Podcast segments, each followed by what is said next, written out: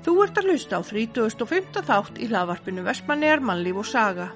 Þættinni byrtast á hverjum 50 degi á eia.net og einni á helstu hlaðvarpsveitum. Hægt er að fylgjast með okkur á Facebook og Instagram. Í dag munum við ræða við Guðbjörgu Ósk Friðriksdóttur um líf hennar og störf. Ósk eins og hún er oftast kölluð ræðir við okkur um fjölskylduna, æskuna, minningar og gósinu, þerapíuna sem hún bjóð til sem að heitir Lærðu að elska þig og margt fleira. Guðbjörg Ósk er fætt 27. september 1964. Í setni hluta þáttarins fáum við að heyra lesna grein um hvernig síminn kom til Vestmanneja.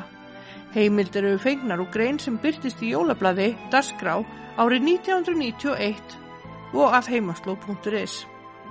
Þátturinn var tekin upp á Icelandic Apartments í Kópavogi. Sæl og blessuð Guðbjörg Ósk Friðriksdóttir. Ó, sæl Alma, takk fyrir að bjóða mér. Heyrðu bara, takk fyrir að koma. Já. Ég ætla nú satt að segja það að við erum nú svolítið skildar. Það má koma fram. Það má koma fram. Þannig að hérna, já og við erum með hérna lítið, lítið hund hérna sem að er að gera allt bráðan. Þannig ég ætla að bjarga skónu þínu. Svo ég fari nú heim í skónum. Já. Flókir úr sína. Já, Flóki fær að vera með okkur í þessu vitali. Já. Ha. En hvað segiru? Hver er Guðbjörg Ósk? Það er bara lítil, kannski pínu skrítin en sætt starpa frá Vestmanni. Já, Já. og hérna, hverra manna ertu? Heyrðu, já, pappi Friðrik Ólaug Guðjónsson, alltaf kallaður Óla Landó, held ég. Fannst mörgum skrítið að- að ég var í Friðriksdóttir að því ég væri nú dóttur hans Óla. Já, Og svo mamma, Sigrun Birgit Sigurðardóttir, Já. dóttir hans Sigga á lóðsinum og Öllu í, sem að nú flestir muna eftir úr sundleginni. já, Amma var nú bara svo mikið indi og, og skemmtileg hress og, og, og svona jákvæð og, og bara ég held svo frábæra einstaklingur að allir muna eftir henni. já. Og já, og mammans pappa, hún hétt Sigriður Friðriksdóttir, var svona frekar rólegri kona, ofsalega hæglind, ljúf og góð og eindisleg. Mm. Og allt þetta fólk er nú farið. Ammala hefði orðið 100 ára bara fyrir nokkrum dögum og, og hérna, maður heldur bara létt og glatt upp á ammælistægin hennar. Já, E, já, en en mamma ekki pappi... annað hægt. Nei, ekki annað hægt. Ha. Ha. Maður verður bara gladur þegar maður hugsa nafnið hennar. Algjörlega. Maður fyrir bara alltaf að hlæja. Já, algjörlega. Heldur hún hafi smitað eitthvað, já, hún er alltaf að koma með góðu hlátuskinnin í fjölskylduna. Já, við eigum þau alveg henni að þakka og bara gleðina, húmórin og vittlisina sem að hérna, heldur okkur á lífi. Einmitt, algjörlega. Já. En hvernig eru fjölskylduhægir þínir? Heyrðu, ég er núna bara með tvö til þrjú börn. Já, Ég sem sé var gift ítilsku manni sem heitir Dominico og hérna við skildum fyrir 16 árum. já, þegar börnin voru svona komin yfir fermingu og maður taldi þau geta bjarga sér sjálf svona mestuleiti frá skilnaðar vandriðunum en hérna ég á sem sé Luigi Aureli Scala. Mm. hann er að vera 32 ára. Já, býr í Garðabænum með koninu sinni Árníu Daniels og hún á strák sem heitir Anton Máni. Já, ok. þannig að ég er búin að fá eitt svona draumadreng Já, indislegt. sem að fylgdi með. Það kallast kaupættir eða ekki? Já, svona Já. bó bónus. Svona bónus, já. Já. Indisland bónus. Síðan á Jana Marju Birgit Gala, hún býr í Ástralíu, búin að vera í sjö ári í Ástralíu og Nýjasjálandi og þar á hún nýjasjálenskan mann Já, og tvo litla stráka, eitt sem ég hef aldrei komið við, já, ok. já, sem að ennú bara út á dollu. Já, Og ég er bara að býða eftir að Ástralíu opnist svo ég komist þangað til að klípi kinnar á litlum sætinstrákum en það eru Angelo og Matteo sem að eru, Angelo er að verða bara um þryggjára og Matteo verður bara eins og eftir nokkra daga já, ok. og maður hennar heitir Tyler Wacorn og er frá Nýjasjálandi Já. og þau eru búin að prófa að búa þar en svona eru ánæðar í Ástralíu Já. og búa þar í Queensland Gold Coast, bara alveg frábærstaður. Já, Svo á ég eina stelpu, svona auka, sem ég fekk, kynntist fyrir mörgum árum og, og fekk að taka inn í fjölskylduna. Hún heitir Hulda Bjarkar já, og mann hennar heitir Kristinn og þau giftu sér á Bali hjá mér fyrir sennilega þreim, fjórum árum, fjórum árum, já, ok, held ég bara þremur, eh, þremur kannski. já. Mm. COVID rugglar mann svolítið í þessu, ég er held nefnilega að það klippist óvart út. Ég veit það. Ég held það. Það er alveg já. Ef einhver hafði einhvern tímann hugsað að ár gæti dottið af dagatalinu og manni fannst það ókslega flippað, þá bara er það ekki lengur flippað. Ég held að þetta ár dett út. Algjörlega. En allavega þau giftist út á Bali, indislegt alveg og, og hérna, þau eiga eina litla stúlku sem heitir Agnes og hún er rúmlega þryggjara Já, ok. og svo er hann á leiðinni í april næsta ári. Þannig að ég er ofsalega rík kona. Já, Mm. yndislegt. Já. En hvernig datt hún inn í lífið ykkar? Ef ég má spyrja, það Já, heyrðu, við kynntumst henni við hjónin. Uh, það eru bara sennilega orðin svona 18-19 ár síðan. Hún var ekki bann þá lengur, hún, var eiginlega bara orðin stálpa unglingur. Þegar ég kynntist henni og, og, og ég, þegar ég sá hana í fyrst skipti þá svona gerði mig grinn fyrir að væri ég, sá henni svona eins og hún væri munanlaus já, þannig að ég einhver hluta vegna spurði hana því hvort það geti verið og, og hérna og það reyndist vera rétt. Hún er sem sé munanlaus barn lifandi fóldra sem sé fóldrar sem að vildjurinu vera ekki eigana mm. sem er meira um hérna á Íslandi heldur en ég held já, í svo litla, á svo litla skeri okkar. Og hérna þannig að mér fannst einhvern veginn það vantaði eitthvað í lífið hennar. Mm. og við það mátt alveg segja bara að það vantaði þó eitthvað í okkar líf líka, Já. vantaði okkur tanna já, þannig að hún hefur verið hjá okkur svona og er svona stóra systir því hún er eldri heldur en krakkandi mínir. Já, og er búin að vera með okkur alveg síðan og, og mm, ég kalla hana dóttir mín og hún kalla mig mömmu og mér finnst það vola indislegt en hann alltaf að því hún var hún svo gömul og hún kom til okkur það eru kannski, það er ekki alveg eins tenging eins og ef ég hefði kynst henni sem litlu barni einmitt. en mér finnst ofslega gott að hafa hana og okkur þykir öllum vola væntum hana Já, það er hvað það er yndislegt. mm -hmm. Og hérna, en hvernig barn og úlingur varst þú? Heyrðu, þegar ég var lítið barn þá var ég vist hérna rosalega róli og góð og falleg Satt bara að því rosa brún. Átti ekki að segja þetta? Jú, jú. Mamma. hérna, mér skilst að þegar ég var lítil krakki þá hef ég leikið mér mjög mikið við ósýnilegt fólk Já, ok. og hérna söng mikið og ég held að ég hafi verið bara svona frika lífsglöð Mm. og eflaust bara e, já bara óbúslega svona laus við áhyggjur eða einhvað, ég sé meiri börnum í dag eitthvað áhyggjur þannig ég fyrir ofta að hugsa var maður svona áhyggjufullur þegar maður var lítill? En Já. ég held að kannski hjá okkur var þetta meira bara eitthvað svona löflétt maður fekk að vera barn í friði og já, ég átti það til að að hérna ég gekk í svefni og talaði við drauga og svona var svona kannski svona svolítið öðruvísi. Mm. Og það hjekk með mér svolítið lengi að vera öðruvísi. Já, mann eftir því í Vestmannegjum og svona já, vera oft kannski öðruvísi klætt, mamma var rosalega flink að sauma og, og ég var svo heppin að fá alltaf bara allt sem var í tísku og undan tískunni og, og hérna já, ég held ég að við svolítið gengist upp í því að að fá áhuga á tísku og vilja vera svolítið flott og, og líka kannski svolítið öðruvísi.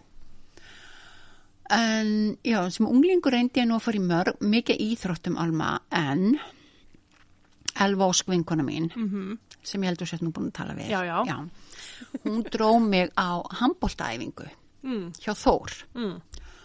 og ég skoraði sjálfsmark og var þar að leiðandi náttúrulega ekki droslega vinsæl og fór ekkert á fleiri æfingar en það líka sko þegar ég kom heim og sagði pappa ég hefði verið á þósæfingu þá var það náttúrulega allt vittlust Já, já. að því að við erum týrarar Algjörlega. þú veist það nú já, var farin að fölna. já, já, já þetta og, og, Týr og Þór var eiginlega sko þingri en stjórnmáluflokkar Já. skilur þetta var bara já, þetta var eiginlega næstu í döðadómur. Ég skildi bara að gera fjölskyldin þetta en ég fór náttúrulega ekki á fleiri æfingar eins og segi og, og, og hérna reyndi við margar íþróttir en ég, það bara er ekki í mér þetta íþróttagen Nei.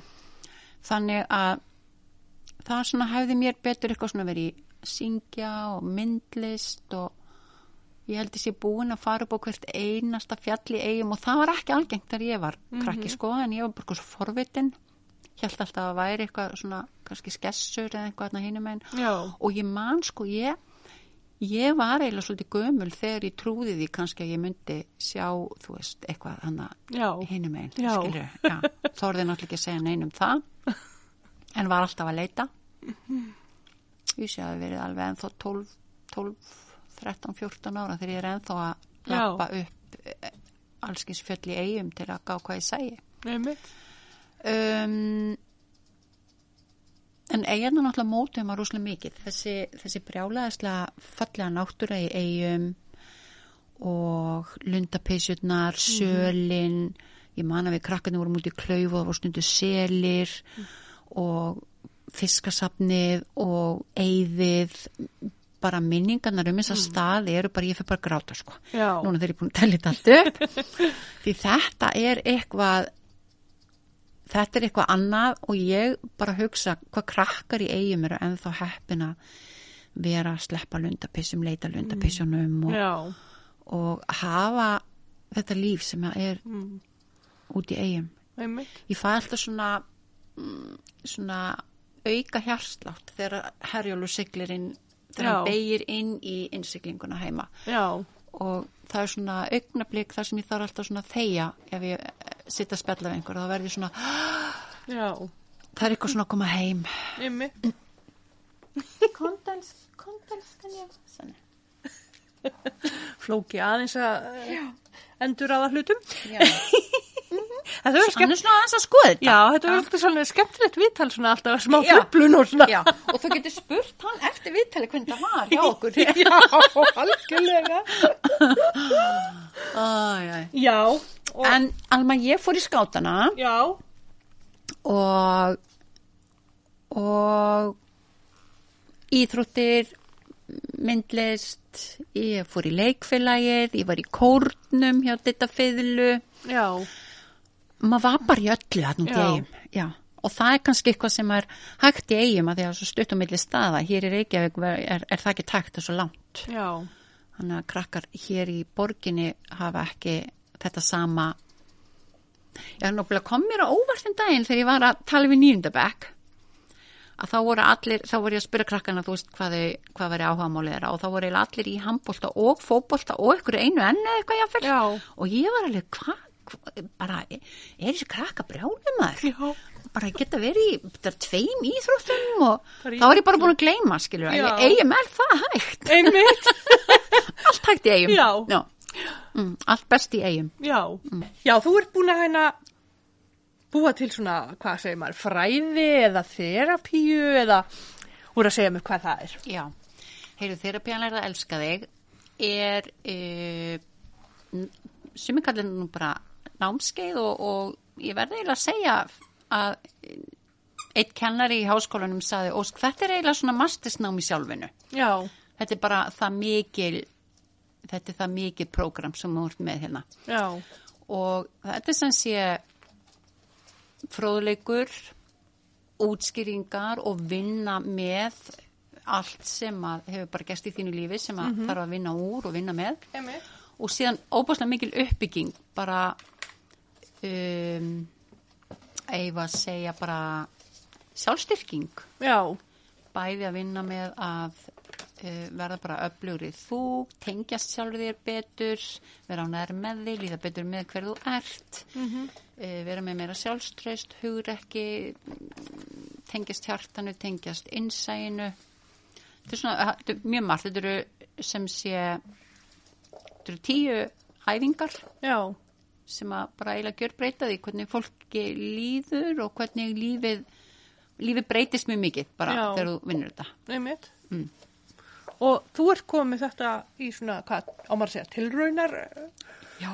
stíi í, í grunnskólan í Vestmanniðum? Já, ég var nú að segja sko að ég, ég þú veist, geti bara fara að gráta við tilhjóðsun um það að hérna hafa fengið að koma með þetta inn í minn barnaskóla fyrsta Já. velli. Það er náttúrulega bara eh, ekki hægt að lýsa því hvað það er mikill draumur að rætast. En sem sé, það er alltaf búið að vera að segja við mig þeir sem koma í þessa þerapíu að hérna þegar þau vilja læra þetta fyrr. Það vætti nú ekki af að læra þetta í barnaskóla þannig að maður gæti átt eh, betri unglingsár og farið svona sterkari inn í lífið. Já, og ég hef svona alltaf verið að hugsa já, ég veit ekki hvort að það er nú svo auðvelt að vera eitthvað að fara inn í mentamálaröðanleiti með eitthvað svona prógram og ég kann það ekkert og ég hef nú ekki einu sinni verið í háskóla sjálf þannig ég, ég þekki voru lítið svona þetta menta, hvernig, hvernig þetta menta dótar ég er bara, ég er bara að segja eins og er. Ég myndi miklu frekar kunna að flaka fisk sko. Og, hérna, en síðan var ég í Vestmannaugum í vetur með námskeið bæði í, í hérna bæði í leikskólanum og fyrir stafsfólk í barnaskólanum eða grunnskóla Vestmanneia og, og fleiri stöðum og, og það er einhvern veginn svona kveiknaði hugmyndin bara við það að kynast önnur ása því hún er nú bara alveg ofsalega mögnuð stelpa mm að prófa nefninda við hana hvort Já. þetta væri eitthvað hægt. Já, og Anna Rós segi við mér bara að tjekka á því þegar skólinn byrjar aftur í haust. Þetta var sem sé vor þannig ég beigði allt sumar svona já, ok. pínu með svona öndina í hálsunum. öndina í hálsunum bæði spennt og, og hrætt og allt það. Að hérna og var alveg ofbóðslega hamingsum mm, þegar hann Rós saði mér að það væru kennarar í nýndabekk, þrjár algjörlega magnar stelpur Hildur, Jónasar og Lára Skærings og Lóa, Lóa Sigurðar. Mhm. held að Lóa heiti nú samt Ólafía en ég ætla að skulum, en hún er köllu Lóa allan á Facebook Já. og vanlega svona. Já, þær sem sé sína þessu áhuga og eru til í að taka þetta inn í nýndabekkin já, eru þar að leiðandi að læra þerapíuna ok. sjálfar svo þar geti nú verið stöningur við krakkana og voru tilbúnar til þess að hjálpa mér að setja þetta upp að því ég, eins og ég segi, ég kunni ekki að heimfæra þessi fræði sem eru skrifið fyrir fullorðna fyrir krakka og, og fyrir krakkana gerum við þetta náttúrulega bara miklu einfaldara Já. og, og, og einfaldara, já, einfaldara, auðveldara og, og, og svona léttara, miklu, miklu minna í sniðunum Já, og ég þurfti virkilega á þeim að halda til þess að hjálpa mig um það. Ég hef ekki geta, ég hef ekki kunnaða að smyrja þetta hún í krakka í nýjöndabæk. Nei, Ég vissi ekki eins og þau væru 14 ára skilur Já. á þannig til kom. já, Og ég er svo heppin að það var náttúrulega Kolbrún Sóli Ingólfsdóttir sem að flestir vestmanningar þekkja nú, sjúkraþjálfarinn sjálfur. Hún er að læra að vera kennari í þerapíunni já, ok.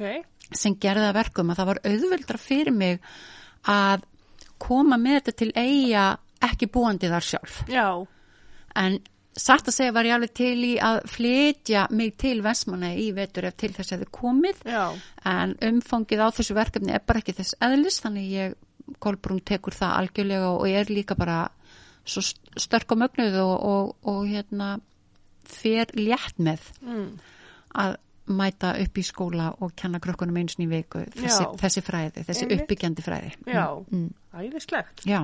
Og hvernig hérna, hvernig finnst krakkarum þetta? Heyrðu, ég er sko lítið búin að sjá þau, ég er að fara að hitta þau í næstu viku. Ok, og svona myndi frekar vilja kannski sjá andlitin á þeim til þess að- að svona Já. geta sagt. En ég held að þetta sé þeim svona þeim finnst þetta svolítið sérstakt. Mhm, þetta er náttúrulega mjög öðruvísi heldur en þau eru vön að vera að læra.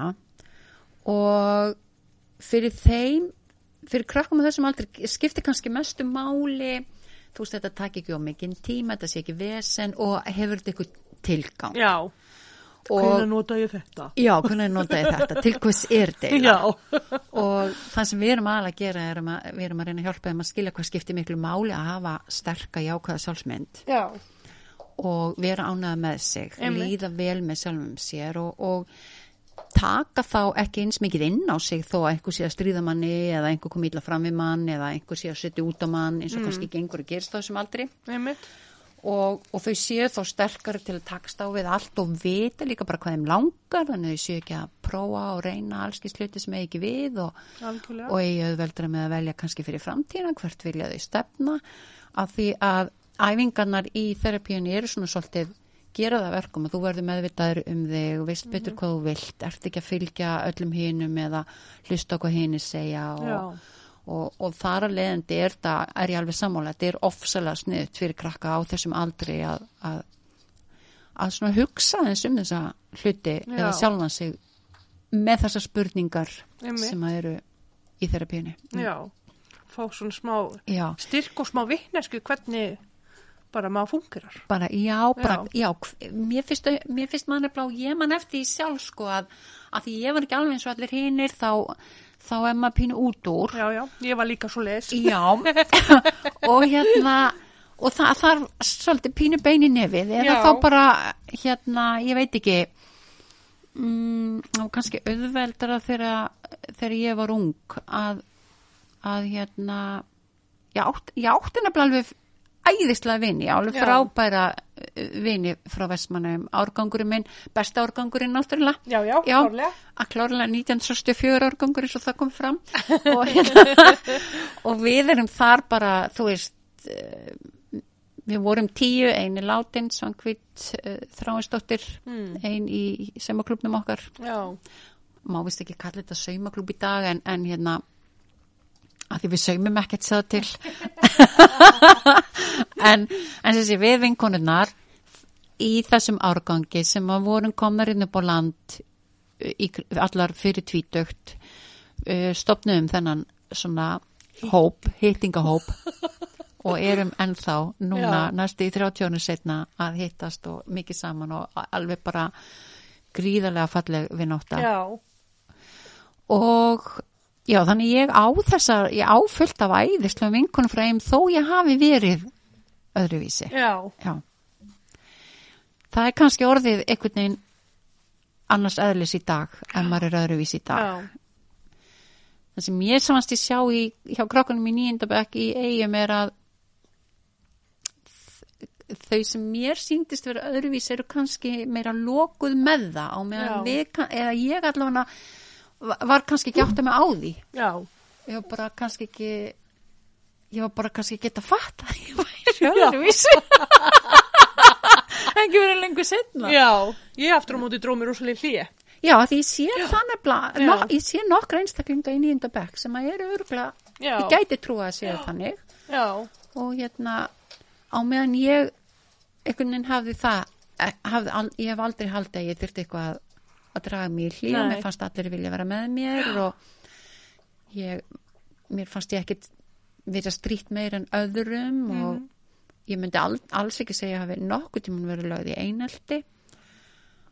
Og, og þess vegna er ég náttúrulega besta árgangnum þú veist, það er bara já, og bara krakkanir tóku mér. Já, mm. já, já. Svo kannski, já, maður veit ekki hvort að tíðarandin hafi eitthvað breyst, þú veist að, að fólk fekk meira að vera bara það sjálft eða, eða þú þurftir allt í einu að fara í innan kassa eða, eða hvernig þetta er, sko. Já, ég, sko ég held Alma að það hafi verið meira bara, þú veist, við ólumst upp við það, það var Siggi Reym og Púli og svona einstaklingar sem við þekktum öll og við lærðum bara að bera virðingu fyrir þeim þessum öðruvís einstaklingum. Og þar með var það kannski bara eitthvað sem var eðlilegt í lífinu. Já, það væri ekki allir alveg Já. í uh, þessum kassa. þá, þá var kannski allt í lagi bara, maður myndi kannski bara enda þarna í einhverju, einhverju hliðarhólfi en, Já, en maður var samt með Já. og, og maður, það var búið virðing fyrir manni og þetta er kannski þetta er kannski gríðan aðteglisvert af því að þó, þó svo að það hafi örglega verið þannig að einhverjir hafi stríkt þessum einstaklingum og ég man eftir einhverju gamalli konu líka sem við vorum rosarhætt við og- en við vorum samt alltaf að stela rababar í garðinu mennar og það var náttúrulega ævintýri döðans að komast inn í garðinu hjá henni Já. óséður og út með rababara já, man ekki hún hét en, en þetta, þetta er kannski ekki lengur og krakkar alls ekki lengur upp við það sem að mann er sagt að byrja verðingu fyrir þessum einstaklingu þó maður hafði kannski eitthvað tíman verið að stríða ég man ekki eftir að hafa gert það sjálf en ég er alveg vissum að það var gert Já, já. en, en ég, mér finnst þetta rosalega dýrmætt að hafa alist upp með þetta. Og þykir náttúrulega bara ómælanlega vænt um það að bara finnst ég alltaf að hafa þekkt sig heim til dæmis Já, já, algjörlega. hann bara frendi minn einhvern veginn Já.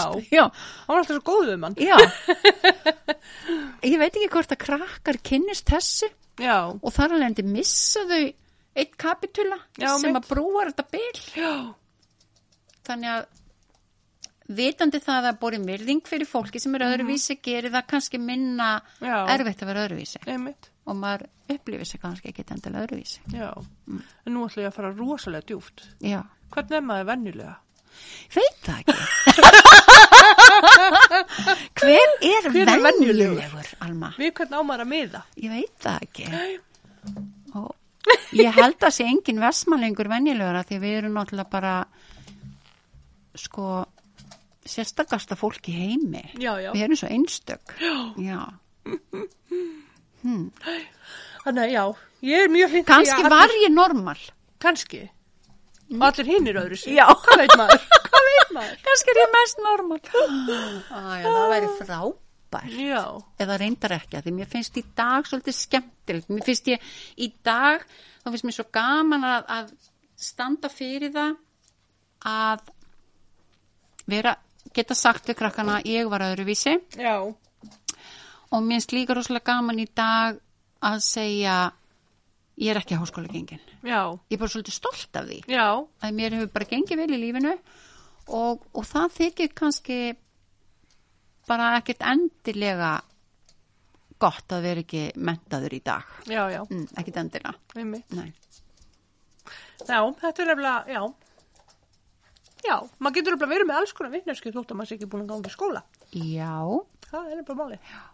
En þá segja samt margir og ég er bara nýlega búin að hitta nokkra einstaklinga sem að hérna sögðu við menn, ef maður er ekki með skýrtinni sko, ef maður er ekki með próf, þá er maður ekki algengur og þá er maður ekki störf og mm. lala. Og þessna finnst mér ennþá ofsalega stert og gaman að, að, að standa fyrir þennan hóp sem velur aðra leiðir í lífinu. Já, og, og það er hægt. Að, að ég get sínt fram og það er hægt og það getur sér að vera alveg bara dásanlegt einmitt. ég vinn náttúrulega mitt starfi skemmtilegsta starfi í heimi. Já, óbúslega gefandi. Já, og skemmtilegt, viðburðaríkt fjölbreytt og hefur til dæmis gefið þann möguleika að búa út um allan heim. Einmitt. ég tek alltaf vinnuna með mér, hún er í símanu mínum skrifstofan mín. Já, en hvernig hérna fóst inn á þessa braut samt? Um,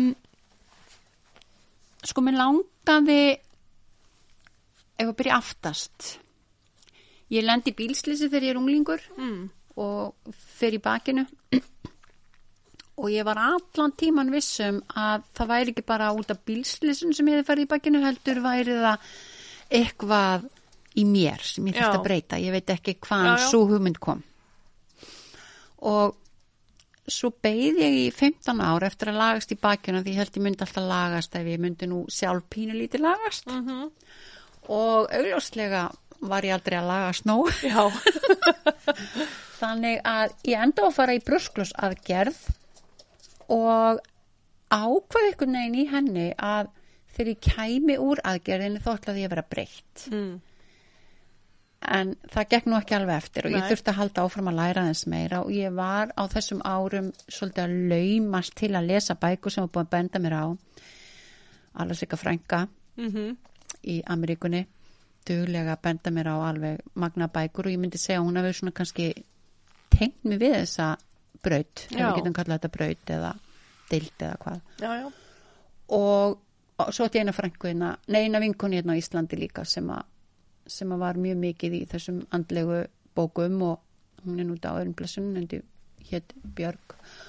Og mér fannst þetta nú voðalegt svona hún búku vitt þess að fyrst þegar voru að benda mér á þetta en Mm. fór í leini svona og laumi að lesa. Og ég veit ekki hvað verður til þess að ég átti mig á því að eða einhvað fyrir að gerast að eitthvað fyrir að breytast í lífinu mínu og mér fyrir að líða betur eða ég fyrir að átta mig á því að það er fullt af hlutum sem ég geti lagað hjá sjálfur mér. Bara he- í hegðun og framkomu og hugsun. Líðanin myndi þá verða betri og hérna þannig að þegar ég kem úr aðgerðinni, brjósklus aðgerðinni þá fer ég eiginlega svolítið á bólakaf í jóka og alls konar Mm. les og les og les og fann að mér tókst að breyta hjá mér Mm og þá kom svona löngun til að hjálpa öðrum að líða betur Já. að ég hef til dæmis aldrei fundið til í bakinu síðan Já, ok. og ég hef alltaf skrifað það á að ég tók andlegu hliðina algjörlega í Já. gegn. Og auðvitað vandaði ég mig líka líkamlega ákvaða að byrja, byrja við yngur fyrir líkamannum uh, hugsa betur um hann koma betur fram við mig líkamann þá að sjálfsögðu líka og svona smátt og smátt þá fór ég bara að átta mig á því að ég hafði sennilega gert bara kraftaverk Mm. og ég var í vinnunni þá rak ég kaffihús þegar hérna skullæknirinn minn Aron Mhm. lappar inn og, og spyr mig hvernig mér líði og ég segi bara ég bara ekki fundið til sig hann ég var skurinn og, bara, og hann sé var samtelt í þessari vinnu. Að það er nú bara svolítið merkilegt þannig að flestir sem að fá svo bara brjósklus ykkur starf annar staðar eftir smá tíma sérstaklega að því þá var ég að reyka kaffús og náttúrulega langur vinnudagur og mikið trapp. En það verður ekki gæst hjá mér 7.13 á eftir. Já. Allt í plasti. Finn- finnum eitthvað, finnum eitthvað timbur inn á eftir. Og hérna og ég held til dæmis að þetta þegar ég er að spjalla við hann hérna manni á kaffúsinu hjá mér þá hugsaði ég kannski er þetta andlega dóti eitthvað að hjálpa Já. já og þá fyrir ég á fullt í bara að læra alls konar og meðan annars lærði ég að kenna róbjóka, lærði höfun og spjaldrisjöfnun, reiki, heilun og hópun og pónó Hvað er það? Ó, ég, það er svo flókið að ég ætla ekki að tala meir um það Þetta bara að fyndi orð. en það, er- það er nokkri sem að kannast í hópun og pónó, það er ekki margir lærðir í því hérna á Íslandi Já. en sem sé já, þannig fór að læra bara Já. Meir og meir. Já. og þegar ég er að kenna jóka og vinna með fólk höfunspjaldursjöfnun, nutt og fleira þá tók ég alltaf eftir því að fólk hérna kom alltaf aftur og aftur með sumu kvillana. Já. og ég er náttúrulega búin að hitta hana Aron sem saði við mig að fólk er, væri yfirlt með sama kvillan aftur og aftur. Og hugsa með mér, ég vil finna leið fyrir fólk til þess að þurfa ekki að koma til mín eins og ég sé eitthvað plástur hvað sem ég heiti nuttari, já. jókatími eða hvað heldur kenna fólki að umgangast sjálfan sig og lífið á þann hátt að það sé ekki alltaf að finna til það sé ekki alltaf eitthvað veikt það sé ekki að glíma við eitthvað og því líður bara vel andlega og líkanlega Mhm. og það tók mig fimm ár Mm. að finna út hvernig ég ætlaði að gera þetta Mhm. þessi fimm ár voru náttúrulega þá var ég að vinna og kynast fólki betur Já, og já. vinna með hópa og alls konar og, og læra af reynslunni hana og setja saman alltaf, alltaf að skrá hjá mér hérna, ég var með bara marga, marga bækur alma af, þú veist, punktum Já. um hvað þyrft að vera í þessu prógrami Já, já. og svo fer ég á námskeið í bandaríkjunum held að verið 2004 eitthvað svo leis þar sem að það voru skamtafræðingar og, og vísindamenn að kenna það sem kallast uh, meðvitund, dýpri meðvitund Já, ok. Og þar lærði ég rosalega margt um hvað virkar til að breyta Já. og fæ þá í raun og veru svona kannski grunninn Mm. ef ég ætla að hjálpa fólki að breyta lífinu þá verði ég að hafa þessa uppsetningu Já. þá kemur hvernig ég get sett þetta upp Einmitt. eitthvað sem ég vantaði alltaf Já. kannski beinagrind eða arkitekturinn eða ég veit ekki hvað ég á að kalla þetta en allavega þarna lærði ég að, að til þess að hjálpa fólki að breyta lífinu þá verður að vera með prógram sem er svona, þú voru að vera með æfingar, þú voru að vera fróðuleik, þú voru að útskýra fyrir þeim og, og þarna skilja, læri ég svolítið, já ég, já, ég vil gera þetta svona. Já. Það búið til eitthvað svona með þessu og þá, við vorum svo heppin að við fengum að lesa mjög mikið rannsóknum í, í þessu námi og ég byrja að skrifa þarna mjög fljótlega en hætti svo. Mm. fer síðan til bandaríkjanum 2009 í svona leita svarinu eins og sem ég segja. Sem ég segja þess að leita sjálf með mér. Ég var að leita svarinu fyrir hérna heiminn. Og hérna var í bara lokaði mig inni með bara alein Mm. í viku.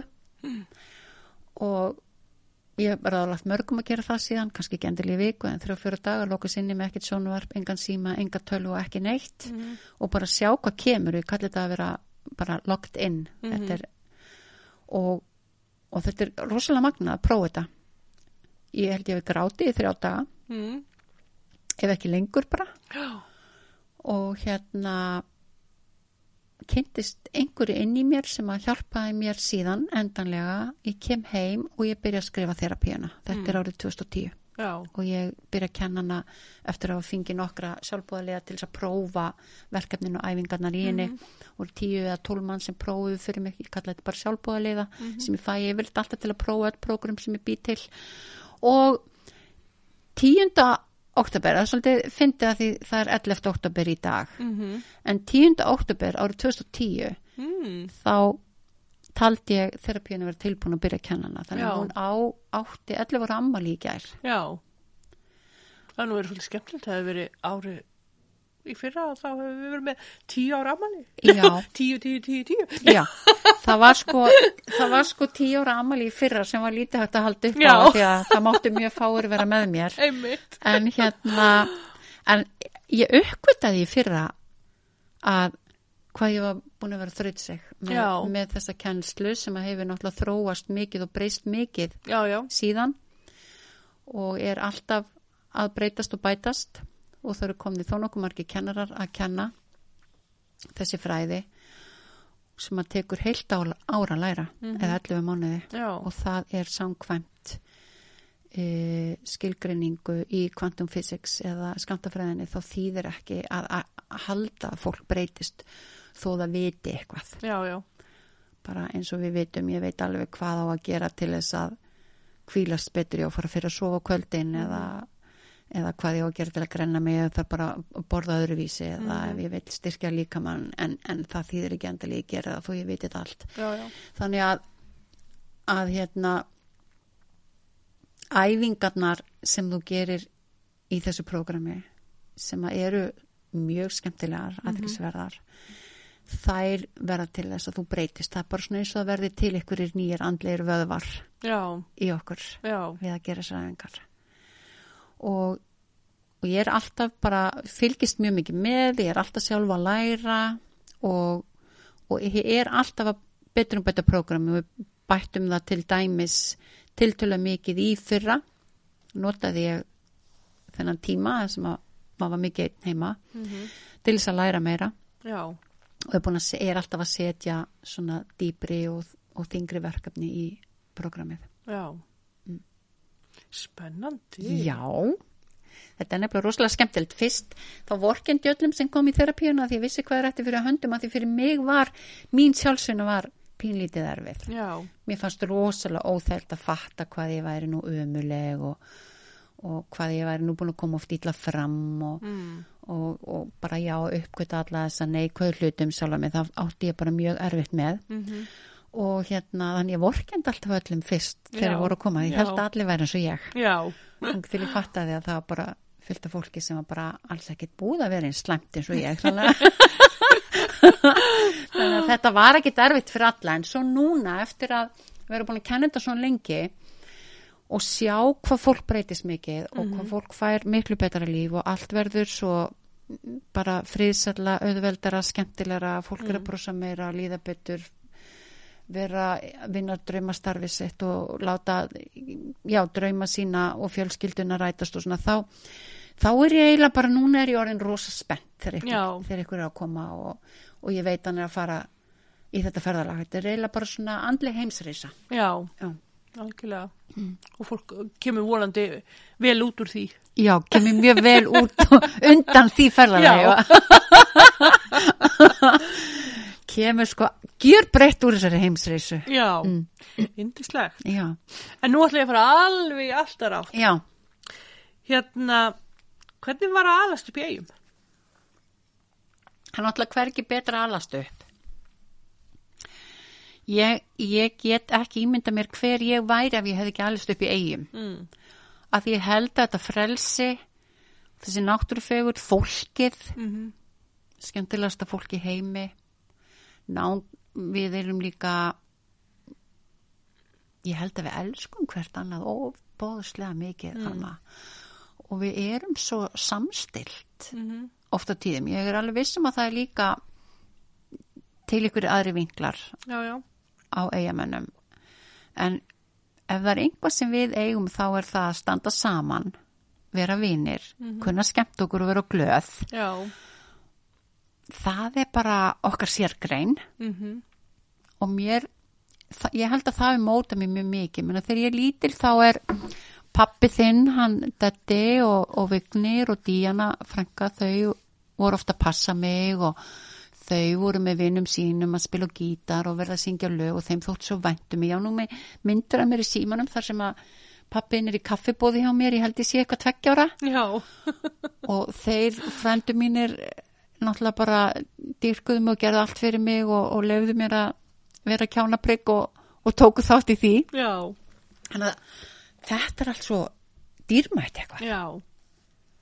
og og maður var bara, já, ég man eftir manni að dandalast niður á bryggju ég þurfti bara að lappa niður heimagutuna og maður sá alltaf bátana svona niður frá og það var eitthvað dásanleiti það því maður vissi að við var á þessum bátum sko og svo Pétó þar voru hérna svona fimmleika ringir Já. eins og, já, og við náttúrulega krakkarnir náðum ekki upp í þá þannig við þurftum alltaf að fara upp á götu og byggja eitthvað að lift okkur upp. Og það eru ábygglega mjög margir verkamenn og, og sjómenn búin að lifta mann upp í þessa ringi og maður hrindi úr þeim eins og skota aftur því að það var náttúrulega aðeins svo mikið fyrir krakka. Og ekki þessum ringjum síðan bara hef aldrei skilja okkur voru þarna. Já. en mjög skemmtilegt að þetta var náttúrulega mjög merkilegt að þessi ringir væru. Já. og bara einhvað það er bara hvergi eins aðeins þetta alast upp og, og mín æska var skemmtileg mamma pappa voru ung þau eignuðust mig ég er alin upp ég hef alltaf sagt ég er alin upp af unglingum í gleði Já.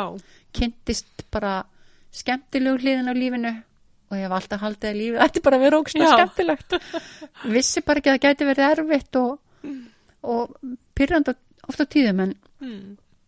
Já, nei, já, og svo átti ég bara þessi sett af ömmum og öfum sem voru algjört æði og við erum ekki stórfjölskyldan en en vá, bara já, besta fjölskyldi heimi líka Já. Mm.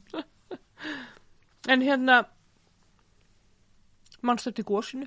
Já, heldur betur Við áttum heima heima gutu 25 sem er undir hraunni súllíð á gutunni og mitt herbyrgi snýri í áttina að gósinu en mam- mömmu herbyrgi snýri út af heimagutu Mm. og ég vaknaði og herbyggisklukkin minn logaði. Mm en ég, eitthvað hluta vegna þá hafði ég ekki vita hvað þetta var. Nei, nei. þannig ég fyrir úr veg með pappa og, og segi með maður eitthvað að gerast eða eitthvað, ég, veist, ég veit ekki eins og hvað ég sagði með maður því ég held ég bara hafi ekki haft glóru í Já. kollinum um hvað var í gangi. Nei, og mamma segi mér bara að fara að sofa sé ekki það, tók ekki eftir neinin í sínu herbyggi og svo næst þegar ég fyrir að veikana þá hérna lappar hún að gluggan sér snýr niður að bryggu. Mm. af því að hún er sennilega heyrtlæti Já, og held að það væri rafstöðin eða eitthvað já, sem var Já. neða bryggju. Og sá ekkert og sagði mér bara að fara svo aftur og ég held ég hafi þurft að koma í því að sinn að vekjana þegar hún loksins þegar þau tekur eftir því að það er farið að gjósa eða kveikni eða hvað hún sá. Ég um svo sem aldrei pælt í því almennilega, ég þarf að spyrja næ Mm. en já, þannig að ég einhvern veginn vakna við þetta gós en vissi samt ekki þetta væri Já. gós. Mamma og pappi, ég man nú ekki hvert pappi fór en mamma fór með mig til Siggamu Mhm. og Gaujalandó og á meðan allir þutu nýr á bryggju og fór í bátana með þess að það komið beljur hlaupandi niður heimagöld, ég hafði aldrei séð beljur í vestum, ég vissi ekki að vera beljur í eigum Já, ok. fyrir en ég heyrði bara mu Já, út á götu þessa nótt já. en við, mamma fer með mig til uh, Siggamu og Gaujafa Mhm. og þar var nú bara verið að þú veist, þræri vöflur og hellu upp á könnuna og svona því að myndi byggur þau? á hólagötu Já. Já, já, beint á bara- móti búðinni já, já, ok. og hérna og þær heldur náttúrulega bara einhverju myndi kikið kaffi og svona býða af Já. sér þessi læti.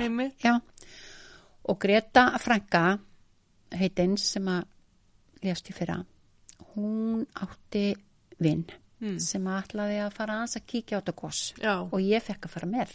Já. já, þannig ég fer hérna á gosstöðvarnar og, og ég fæ bara að berja þetta náttúru bara þessa náttúru ókend Mm augum í svolítið langa tíma meðan hann var að spjalla aukur að kalla og svo glimd hann mér. Hann var náttúrulega ekki vanur að hafa mig Nei, þannig að- en, og ég man alltaf eftir einhverjum gömlu kalli sem að Hvað varstu gömul þarna? þarna er ég Nýjára átta. Já, að verða nýju já. Já. og veist, ég ámæli lúk september þetta Já. er í, janúar þannig og ég man alltaf eftir þessum gamla kalli sem að var í stígvelum það var sjóðandi hann og hann spurði mig hvaðan ég hefði komið og, og hvort ég hefði ekki komið með þessu manni. Og ég man bara eftir að bara jánka því svona mhm. ég var svona mitt á milli þess að vera hrætt og bara full aðdáunar eða Já. bara, já, ég veit ekki semlega bara eitthvað svolítið sjokkaruð Einmitt. en samt, samt ekki ég, veist, ég var ekkert eitthvað logandi hrætti þannig að fannst þetta bara alveg svakalegt sjónaspil já, rosalegt Svo magnaði eitthvað. bara, já, algjörlega magnast Einmitt. og hérna eða má segja það um þetta góðs Já, um, og hann segi við mig ja, það lítur ykkur að koma að sækja þau og svo lappa hann bara í burtu og skildi þið bara einn eftir. Já. Yeah. og þetta var svona kannski þú veist, ykkur á nokkra mínútur Já, já. kannski var þetta meiri nokkra mínútur, ég bara man það ekki Nei, en ég man bara að þetta var alveg rosalega sérstakt að vera hann í svo lóandi myrkri og vikur, öskufall sprengingar einhvern veginn, þetta var eitthvað svona sem að bann gæti ekki ímynda sér Já. að vera til og maður var náttúrulega ekki búin að sjá í sjónvarpinu og, og já, þannig ég mér er óslega gaman að hafa upplifa þetta Já, algjörlega. En við sem sé fórum ekki í báta alma, við vorum hann bara mamma að hella konu Já, já. og baka vöflur og fórum með flugi setna Já, frá þessari blessuðu eigu þannig að Mm. ég fekk að upplifa gósið aftur næsta dag já. þegar þær heldu að það væri nú sennilega búi, mam, þær heldur þetta er í nokkra klukkustundir Já, já. Já. Það voru margir sem heldur það. fáum bara vöflur og kaffi Já, á meðan og kláðum já, svo já, svo fyrir við aftur heim Mm Það voru líka margir sem fóru í bátana og heldur bara að myndi vera aðeins fyrir utan. svo myndi utan og koma aftur. aftur já, já, slökna á þessu eftir klukktíma. já ég, ég held og mér er svolítið merkilegt í dag að því það er ekkert svo rosalega langt síðan mér finnst samt svo merkilegt hvað þróun í bara hvað við vitum og svona. Í sambandi við það og bara fréttir og teknin og allt saman hvað það er svakaleg breyting. Þannig mamma bassavandi af bróðum mínum. Mm. ófegi og hérna já. Og bara ég horfa á hann og hugsa bara hans, á hans æfi er búið að vera snar klikkuð umbreyting Já, já. í heiminum. Einmitt. Og mjög skemmtilegt. Já. Samt líka svolítið skondið svona þegar maður hugsa tilbaka, ég er náttúrulega var ekki til. en, veist, svona með það sem maður að fræðast hjá fólki bara um hvernig gósi var og þetta, að þessi hugsun hafi verið, sko, veist, bara, æ, þetta lítur að búa eftir klukkutíma. Því að Sussi var náttúrulega búin að gjósa hana tíu árum áður og var sko gósi henni í fjögur ár. Mm svona meir og minna. Þannig að það er svolítið skondi að fólk hafi hugsað bara að þetta er bara búið eftir já, náttúrulega þegar maður pælir því. Já.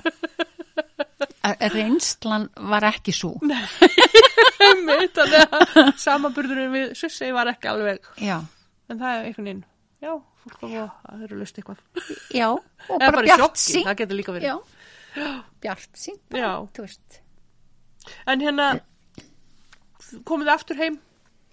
Já, við komum aftur heim en ég verða við ekki, ég man bara ekkert hvenar, nei, nei, nei, nei, eða hvað lungu setna, en ég held að það hafi verið í kannski ágúst, það var allavega gósið var alveg búið, við erum, og allir við höfum ekki komið, sko, nei, nei, nú er ég að plata, ég, við komum sennilega sumarið 74, já, ok, ára það eftir. bara ringi mömmu Alma. já, Já, má hringi vin. Já. er það ekki öllum svona þáttum? jú, jú, það er öllu svona þáttum. Já, hérna, sko, ég held að hljóta vera vegna þess að við byggum í hjólageimslu í blokk. Já, ok, í gósinu já, í svolítið tíma, vorum fyrst hýst hjá frængu minni á ringbreytinni já. Síðan er okkur sk- skaffuð þetta dásamlega heimili. Hjólageimslan eða hvað þetta var hann að í þessari blokk var rýnd og við fluttum inn. Og þurftum að fara fram á gang til þess að fara á klósettið já, og man ekki hvort það var sturta. Það er nú algjört aukatrið já, já volkinn, sturta? Nei, nei, nei, nei. Það var lítil handlaug. Já, þannig að það þurfti að fara ykkur fram og ná í og sjóða vatn og mm. til að vaska upp og svona. Og það var búin til hérna eldúsinniting úr ykkurum úr ykkurum timbukassa utan á ykkurum vélum og, og þetta var bara mamma gerði náttúrulega bara svo laghend og, og smart. Hún gerði þetta bara óskaplega fallið heimili. Og ég man ég var bara stolt af þessu heimili. Já, fannst ekki það því þá allir krakkarnir í blokkin ættu heima í íbúðum. Mm. og hérna mér fannst rosa gaman að búa í þessari stórborg. Mér leiði eins og ég byggi New York já, ég. Mm. og við fórum mjög oft í stræt og bara ring eftir ring og þangti stræt og bílstjórun hendi mér út. Með hans bara svo magnaði að sjá þess að borga öll þessi hús og eitthvað. Svo flytjum við nefnilega í viðlaðsjós hús í Kópavóinum mm. og í minningunni þá kláraði ég alveg heilan vetur í viðbót í æfingadeild kennara háskóla Ísland sem var sérstökur skóli fyrir kennara nema til þess að æfa sig að kenna. Í, þannig að það var rosalega góð kennsla í þessu skóla. Ég var frekar blind þegar ég var lítil. Það hefur svona nánast blind á öðru og hálfblind á hinu. Ok. Og hérna lærði illa að lesa sem að tæfði sennilega bara alla mína alla mína mentun eða þú veist, alla, allan það, ég, ég held ég hafi bara verið illa læs já, þegar ég kem söður hann að áttur og gumul, ég er örgli áttur og bekk. Mm. og og ég fekk svo góða kennslu í þessum skóla. Ég held að mamma hafi svona pínu ákveðið að vera lengur af því það voru svo miklu framfæri hjá mér. Já, og ég hérna lærði þetta, e- já, ég veit ekki hvað hefði gæst ef ég hefði ekki farið í æfingadeildina. Já, kannski hefði bara verið tossi eða eitthvað. Já. farið í tossabekkin já, mann ekki hvort það var tossabekk og svo. já, við vorum öll svo æðisleg. Þannig að já, við komum örglega ekki fyrir 74 já. Mannstu eftir því þegar þú komið heim? Já, hvernig varst eigin það var rosa gaman að koma til Vestmanneja og vera að móka vikur og tæma hús og Mm. við krakkarnir vorum að fara í húsin og ná í ykkur á hlutu og halda tambólur og ég mann, vorum að halda tambólu og það var sko kristalljósa króna. Mér fannst þetta alveg svakalegt sko. Og hérna, já þannig við fórum í maður var að fara inn í húsin og ná í eitthvað svona dót og Jésús minn, ég bjó í hérna gámunum. Já, á faxastíðu það ekki, svona löggustöðinni já, núna mitt og svo, mamma og pappi byggðu hús upp í Hröndúni Hröndún 47 sem ég flutti síðan í. Bjó fyrst á hrundtúni 65 sem er beint á mótirindar mjög skrítið. Já. og mér finnst bara æðislegt að koma til eiga mér finnst mm. rosa gaman að vera í dal og móka í hérna rennurnar svakalega flott. Það Já. var svakalega flott. Það hefur sannlega verið sömur og undan sem ég komið þá til eiga til að gera það. Ég man alltaf það voru svona þagplutur mm -hmm. og, og það var búin til svona rennibraut úr þagplutunum og svo mókuðu við vikrinum onni rennibrautinnar og, og vörubílanir bekkebílanir þeir voru undir og þetta, mér finnst þetta bara æðist þetta var þvílitt æfintýri já og vera að móka vikur innan úr húsum og lyktin inn í húsunum og bara svona það var bara svo sérstakt mm -hmm. mjög spes hæðislega gaman Þannig í þínum huga þá var þetta svona ævintýri og, og bara Já, halgjört ævintýri mm. Fannst eitthvað fyrir og veist svona ræðislu hjá fólki eða eitthvað svo leiðis? Ég man ekki að því Hjá fullanum fólkinu? Nei, veist, var það man... með eitthvað áhyggjur eða fannstu það eitthvað? Nei, aldrei Nei ég held að fólk kom bara til eiga, breytt upp ermarnar og ætlaði mm. bara byggja upp þessa eigu og, mm. og, og reynsana og, og bara hafa allt eins aftur já.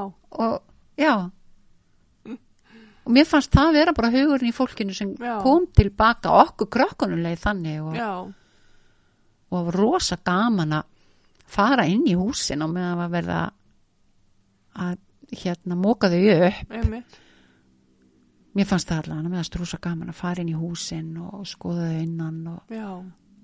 það var bara svolítið sérstakt. Stundum húsgögnin í þeim og svona mm.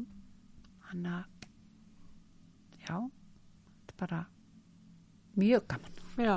bara ævindir Takk fyrir þetta. Ég, er nefnilega, ég er rosalega já, ég er kannski eitthvað skrítið nú. Mér finnst rosalega gaman að fá að heyra sko hvernig fólk upplöfu lutina Já, ég trúi því Þegar í mínum huga þá var þetta svona fannst með gósi alltaf að vera svona ævintýri sko. Já. En svo allt í einu svona fyrir tveimur árum þegar ég fór að aðeins lengar síðan þegar ég fór að gera verkefni í sambandu í gósi og svona þá hérna þá fór ég að sjá sko hinn að hliðina. Já. Að, veist, þetta var ekkert ævintýri. Nei. þetta var rosalegt bara bara hérna áfall og fólk ábyggla með áfallastreitur öskun og ímislegt sko. Já, pappi minn er 23 ára í gósinu mm. og með áttur barn. Já. og íbúð upp á þriði hæð þannig að heimagutinni og þessi menn maki, ég held að sé enginlega að gera sér grein fyrir hvað um, hvernig þeir unnu og hvernig mm -hmm. lífið þeirra var aðna á eiginni hann var í að, að hérna kæla hraunir, stoppa flakkaran og, mm -hmm. og, og passa upp á að, að, að hérna, höfnun okkar myndi ekki lokast og svo voru þeir að pakka niður búslóðum mm -hmm. og ég skil ekki ég man eftir búslóðinu heima sem var öll mert ringbröð 61 því þangað átti búslóðinu okkar að fara Já. að það skuli hafa geta komist mm -hmm. heilt á leiðarenda í réttar hendur ég bara, ég, ég skilða ekki alveg. Hvernig þessi menn gáttu það. Einmitt. og hérna þú veist, allt nýri í litlu dúkunar sem að maður átti og, mm. og, og, og dót og í, í, bara það er eiginlega sko ég ofta er að hugsa það þyrft að tala miklu meira við þess að menn áður en að sko þeir fara að hverfa hverja vöðrum, þeir eru komnir á þann aldur. Já. og heyra hvernig það var að vera mm -hmm. þarna að fara inn í hús og hjálpa staði að pakka niður og merkja þessa hluti mm -hmm. með svörtum tús einmitt Pappi kom síðan eitt daginn og ætlaði að fara að klára að pakka niður í íbúðin okkar og þá er alltaf sagt að hann mætti bara íbúðinni því hún kom svona í heilu lægi ofan af húsinu út á götu Já. þá var bara hreinu komið þannig og, og þetta er, það er til myndir af þessu Já þannig að, þetta er náttúrulega bara afskaplega sérstöku upplifin og, og ég, ég oft er að ég er að ég vinn mikið múnt fólk Já. í þerapíunni og þegar ég heitti fólk sem að er 23 ára mm -hmm. og ég hugsa mm, ég er að spyrja þau spjörunum úr um þeirra líf, út af hvað það gengur og svona. Já. og ég segi já, pappi minn mamma mín var aðeins eldri. Uh, og 24 og 25 ára að það er 24 til 25 hana Já. að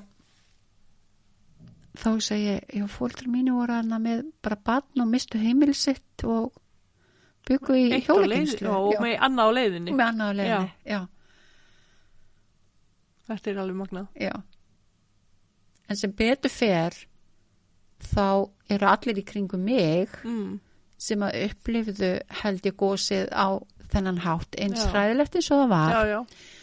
þá var þetta einhvað sem að hefur gert okkur svo einstök Mm að, að ég held að við vestmanningar hefðum ekkert vilja missa af þessu. Já. og við getum kannski sagt að frekara því það slasaðast enginn alvarlega, þá dó enginn það urðu Mm, ekki þannig. þá dó einn sem kannski við reykjum ekki alveg beint til þess að, að, að það var kannski pínu smá svona misgáningur Mm. Já, já. líka einmitt. en ég, ég held að sé ekki endilega geti gossins Já, úst, það náttúrulega kapnaði út af, út af eiturgufur, eitrun, sko. já. En allavega því það varð ekki mannfall og Einmitt.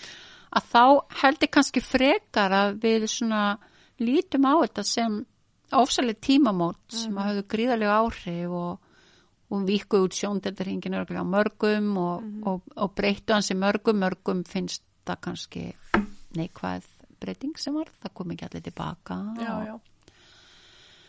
en, en ég mér ég vola rík Já, að hafa þessa reynslu. Einmitt. ég var ekki fyrir neinu einelti að leiðindi mér Reykjavík. Þvert á móti, var tekið mjög vel á móti mér. Mm þannig að ég á ekki neikvæða upplifun eins og Já. svo margir krakkar Einmitt. upplifðu að vera uppnemd og strítt og allt þetta. Ég bara ég var ekki fyrir þessu. Ég Nei, bara Reykjavík var eins og ég segi, bara New York fyrir mér og ógislega gaman og, já, og svo komið til eiga aftur og bara aftur en það meira gaman og þetta var bara allt gaman. Einmitt.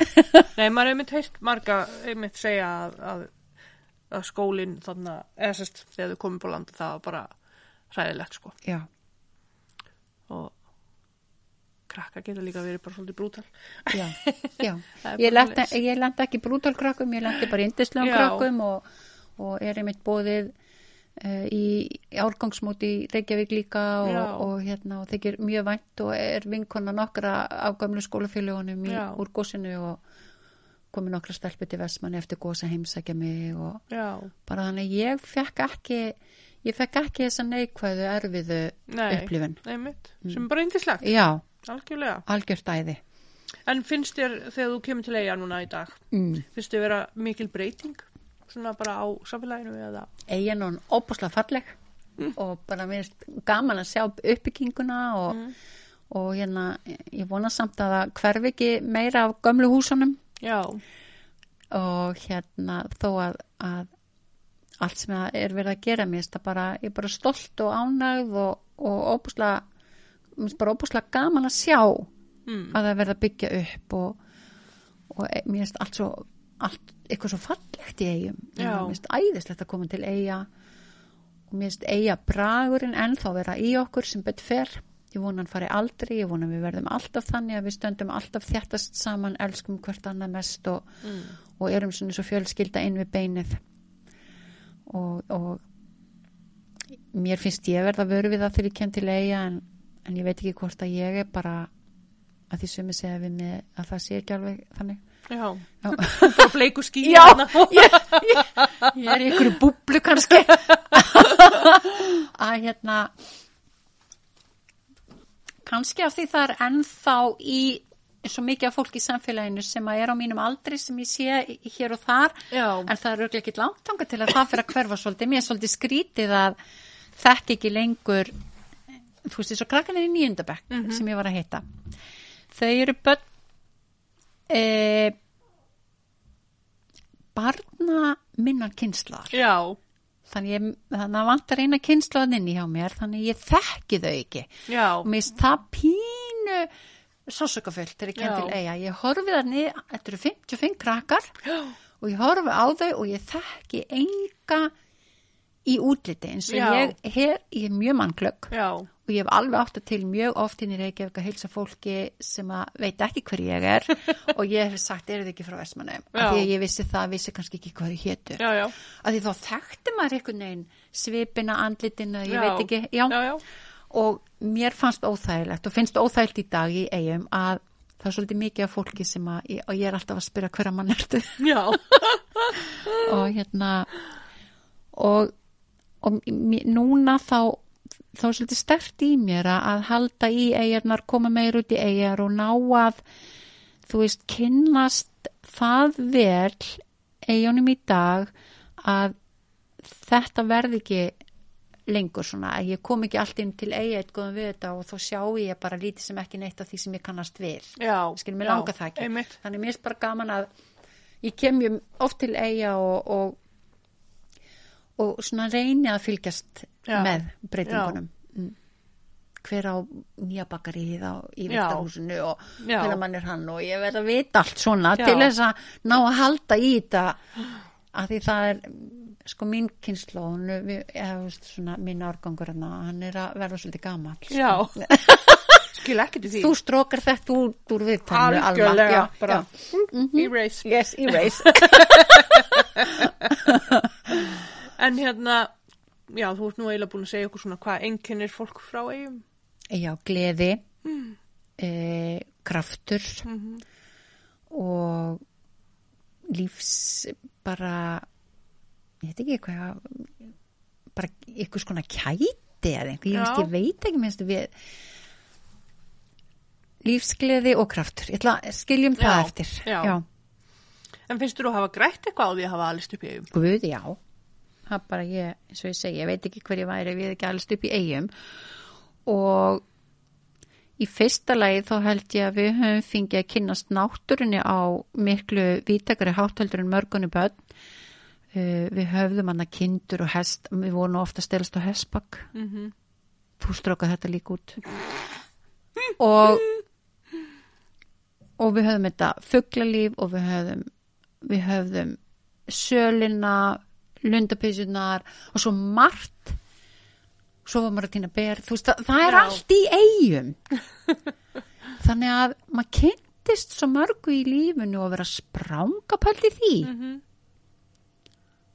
Að já, ég held að sé bara ekki hægt að gera sér grein fyrir hvernig hvernig lífið væri að maður hefði ekki alveg stupp við þetta alls saman, ég held Já. að ég get ekki skilið það Nei.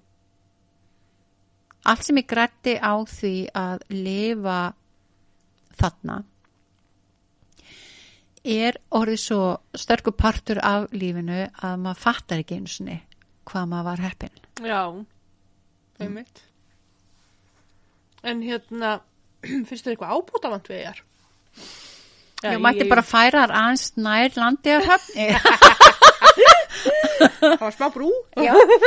um, ef, að, ef það er rétt sem ég heyri að, að svona að fólk sé að tala illa um hvert annað og, og það sé svona stundur neikvæðni og leiðindi ykkur, svona pyrringur og einhver svolítið, ef það er rétt Já.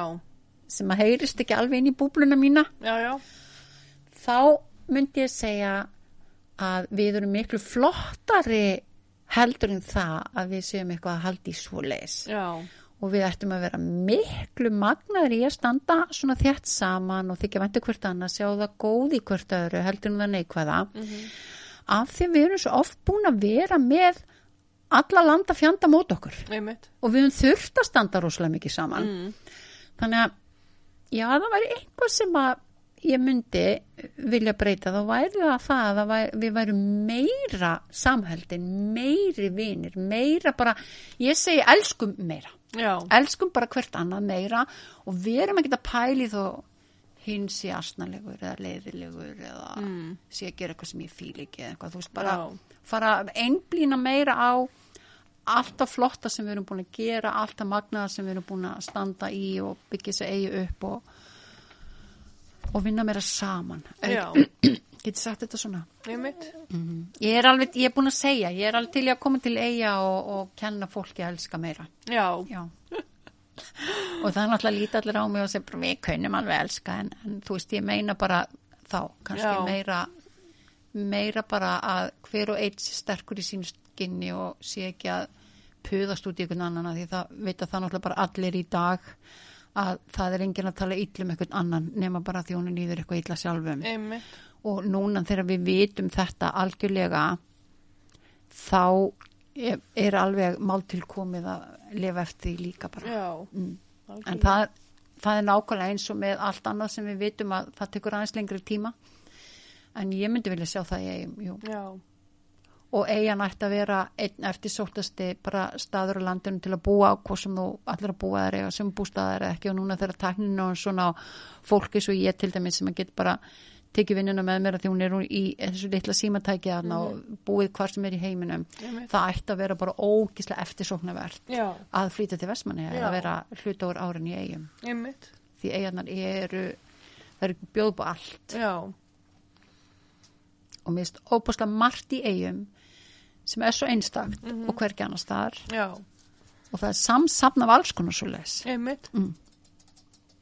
Já, algjörlega. mm En ertu með eitthvað hugmynd til þess að ebla samfélagið í Vestmannegjum svona bara, Já, ég er nýbúin að vera á fundi í eigum að ræða það. Já, ok, að því alvörunni Alma þá myndi ég vilja e, byggja upp andlegt stert samfélagi í eigum mhm, þannig að fólkið þar er sterkasti parturinn. Við, er, það, við vestmanningar við erum svo geggjöð, við erum svo frábær. En það er hægt að vera frábærari.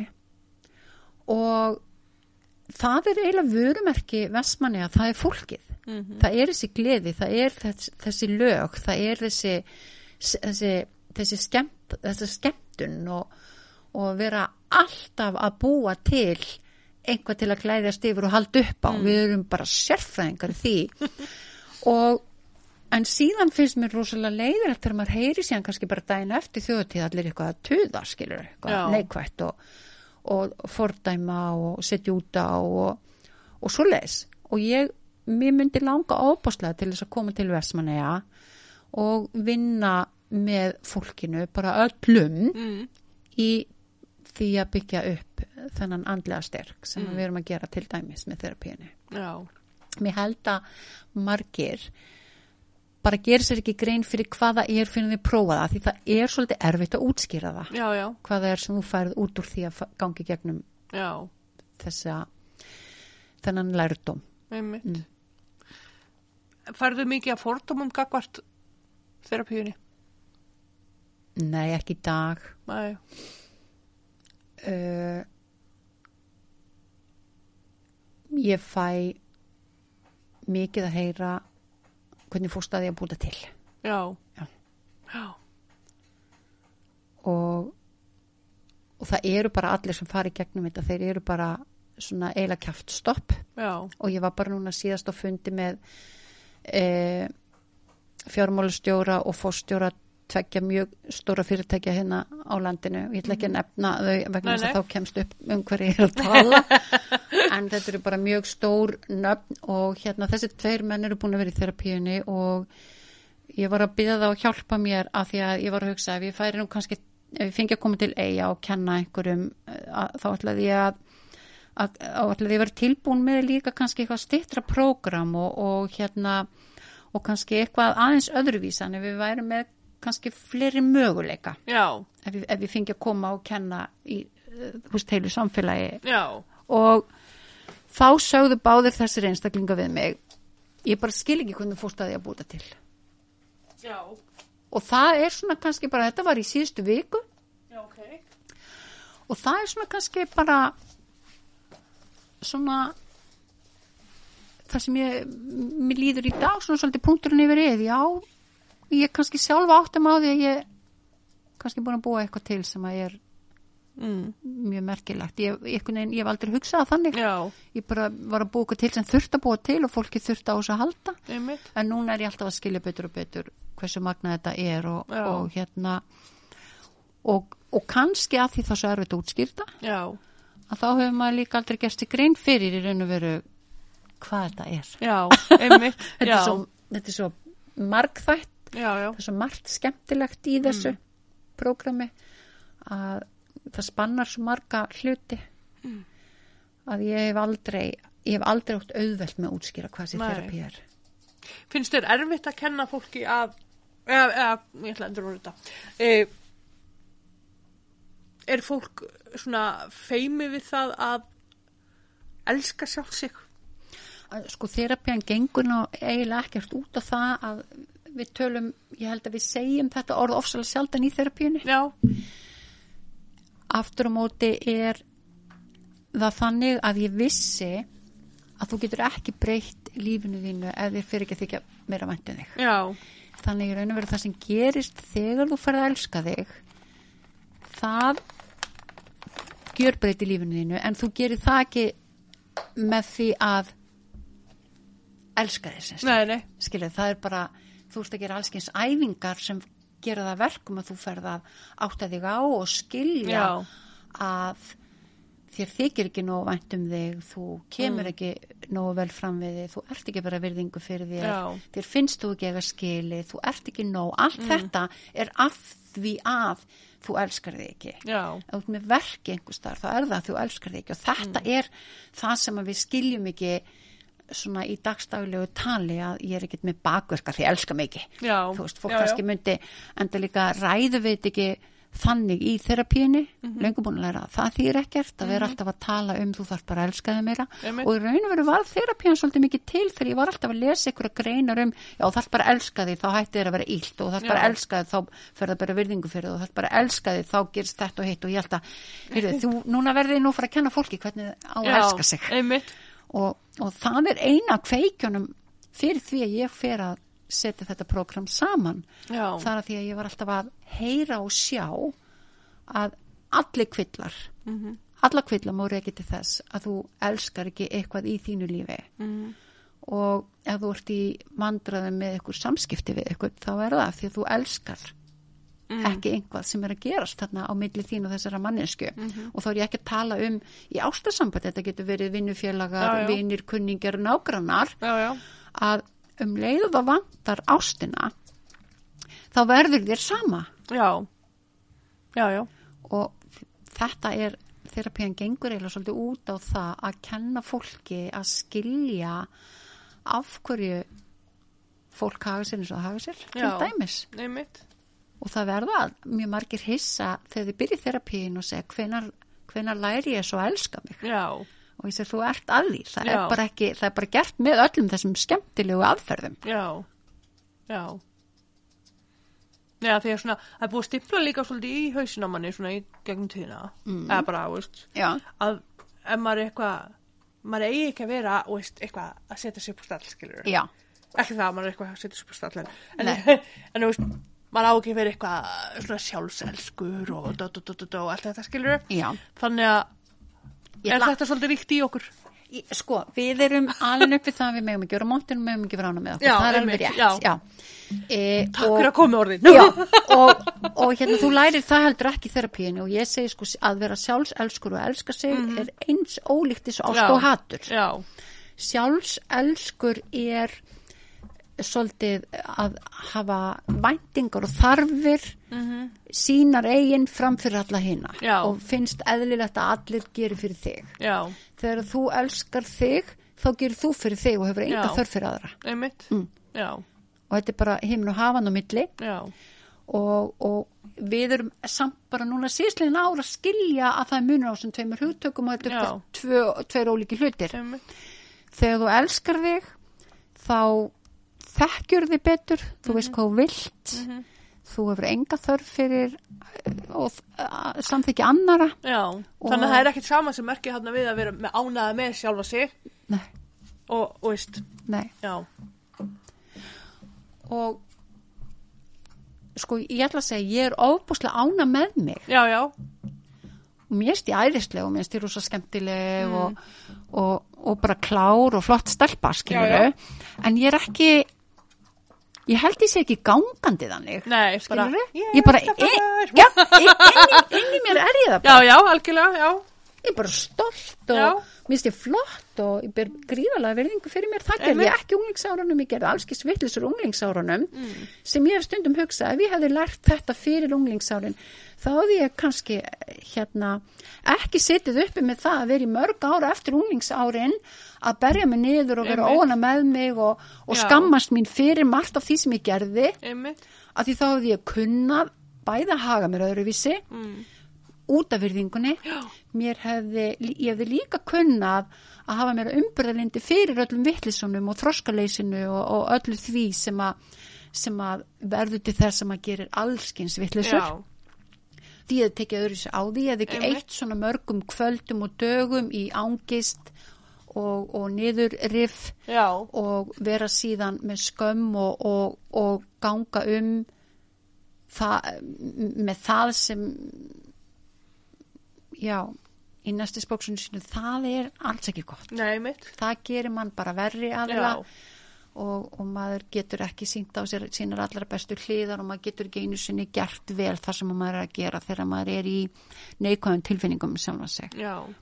Nei, mér er nefnilega ekki að þetta sé koma í skólan bara, bara að þessu leiti, sko. Já, já. Veist, þannig að krakkan er svona komi út úr skólanum með þessa vitnesku, sko. Já, mér Ég slík... hefði alveg vilja gangi í gegnum þetta. Já. bara strax í leikskóla. Nei. Já Þa, það væri náttúrulega aðeinslegt að það væri hægt að vera til leikskóla sko. Já. og það, við erum að byrja í leikskólanum með alls konar svona undirbúning fyrir þetta þessi hugleysla Já. jóka og, og svona skilninga á, á tilfinningahugtökum Já. sem ég bara lærði þegar ég var fertu held ég Já. bara afbrið sem er hvað er það Já, þú veist við, við vorum með miklu grinnri þekkingu á Mm. Tilfinningunum okkar við vorum bara reyð eða, eða glöð. Einmitt.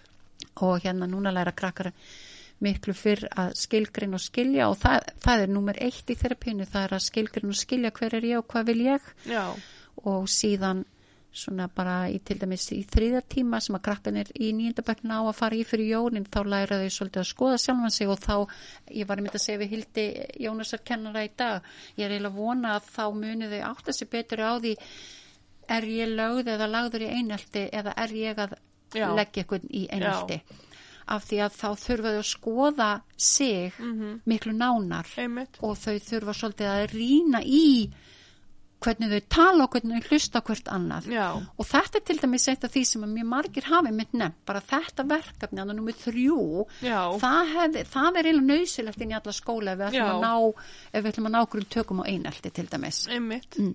Algjörlega. Já, því já. Það er einmitt, oftast er eh, sá sem að leggur í einelti, sá sem að ásóldi bara erfitt sjálfur. Já, og, og það aftur eru komin að því að Já. þeir sem er að tala illa um og já. og, og svona að, að því við vitum þetta í dag Einmitt. en þetta er ekki alveg búin að ná Mhm. dampi í samfélaginu okkar að þá er bara svolítið gott að við náum að koma sér inn hjá krökkum að skilja Já. þetta algjörlega til fulls þannig að fullánus árum þá verða þau bara með þetta Já. þau vita þetta bara og þá langar mann ekki til þess að, að kalla ykkur um öllum ítlum nöfnum og Einmitt. setja út á fólk og, og vera alltaf með allt á hotnum sér þá langar engum til þess Einmitt. held ég og þess vegna sé ég fyrir mér að- að samfélagi eigum getur svo auðveldlega orðið þannig að því við erum svo einangrað svo Mm. auðveld að að byggja upp alveg geggja samfélag einmitt. En hvað er uppáhald staðurðin í Vestmannegjum? Eða í eigunum bara almennt? ég elskaði alltaf eigðir það er pínu orðið skrítið eigðir núna. Já. Og klaufin. Mm. auðvitað náttúrulega dalurinn. Því, þvílíkt sem að maður er nú búin að hvað maður á að minningum þaðan. Uh, mér finnst líka nöðsynlegt að koma alltaf út á nýjarraun, ég veit ekki af hverju Já, mm, en það verður alveg öruglega seint einhvað annað en svo magna náttúra sem þess að eiga er já. Þannig að það er bara öll eigan bara alveg um svo leikur sig. já, Já, getur ekkert valið. nei, það er frekar erfitt.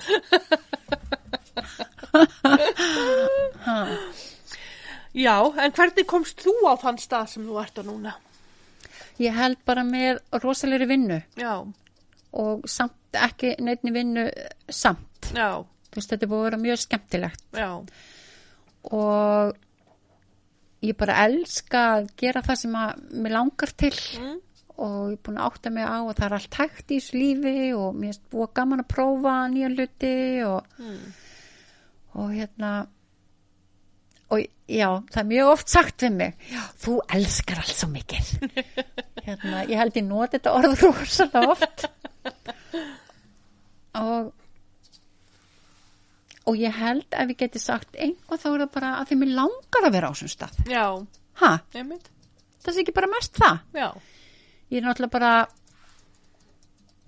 hjálpin kemur já æðislega fóreldra. Já, hósalega skemmtilega ljúfa, indislega fóreldra sem hafa kvart mig gjörsanlega áfram, haft óbrendi trú á mér, alltaf trúað á að ég geti það sem ég er að gera og svo leis og hérna frábæran bróðir sem að ég fekk að tuskast með þegar hann var lítill og æfa svolítið sem er hérna algjörlega magnaðar einstaklingur mjög ólíku mér og það er nú það skemmtilega við þetta líf hafa allist upp í eigum og vera Íslendingur ógislega stolt af því. Ég er búin að vera víða um heiminn og, og það er bara ég gengst stundum upp í því að hvað það er merkilegt að vera Íslendingur.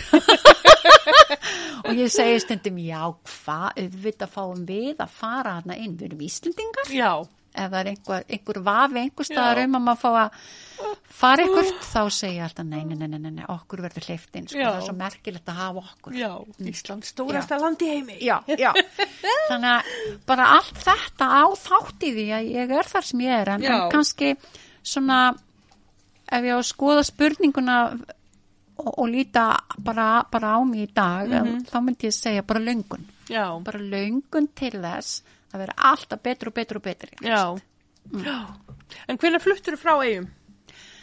uh, aft, við flytt 1980 Já, þegar ég er að fara í mentaskóla Mhm. þá var ekki þá var framhaldsskólinn ekki komin í eigum og mamma vildi endilega að við myndum menta okkur við sískin já, og við flytjum bara þannig að þegar ég er 15 ára að vera Já. 16 og ég fyrir Flensborg Mm. flyttum í Hafnafjörðum og pappi er ennþá þar og upp frá því byrjar þvælingurinn á mér já, Ég elskaði Ísland svo mikið, ég ætlaði aldrei í burtu frá Íslandi en mamma vildi endilega senda mig í skóla í Bretlandi en læra ennsku og svona já, og svona heimsborgara mig eitthvað já, aðeins. já, Og mér finnst þetta nú voðalegt vesen. já, Ha, það væri nú bara skemmtilegast í, á Íslandi sko Já.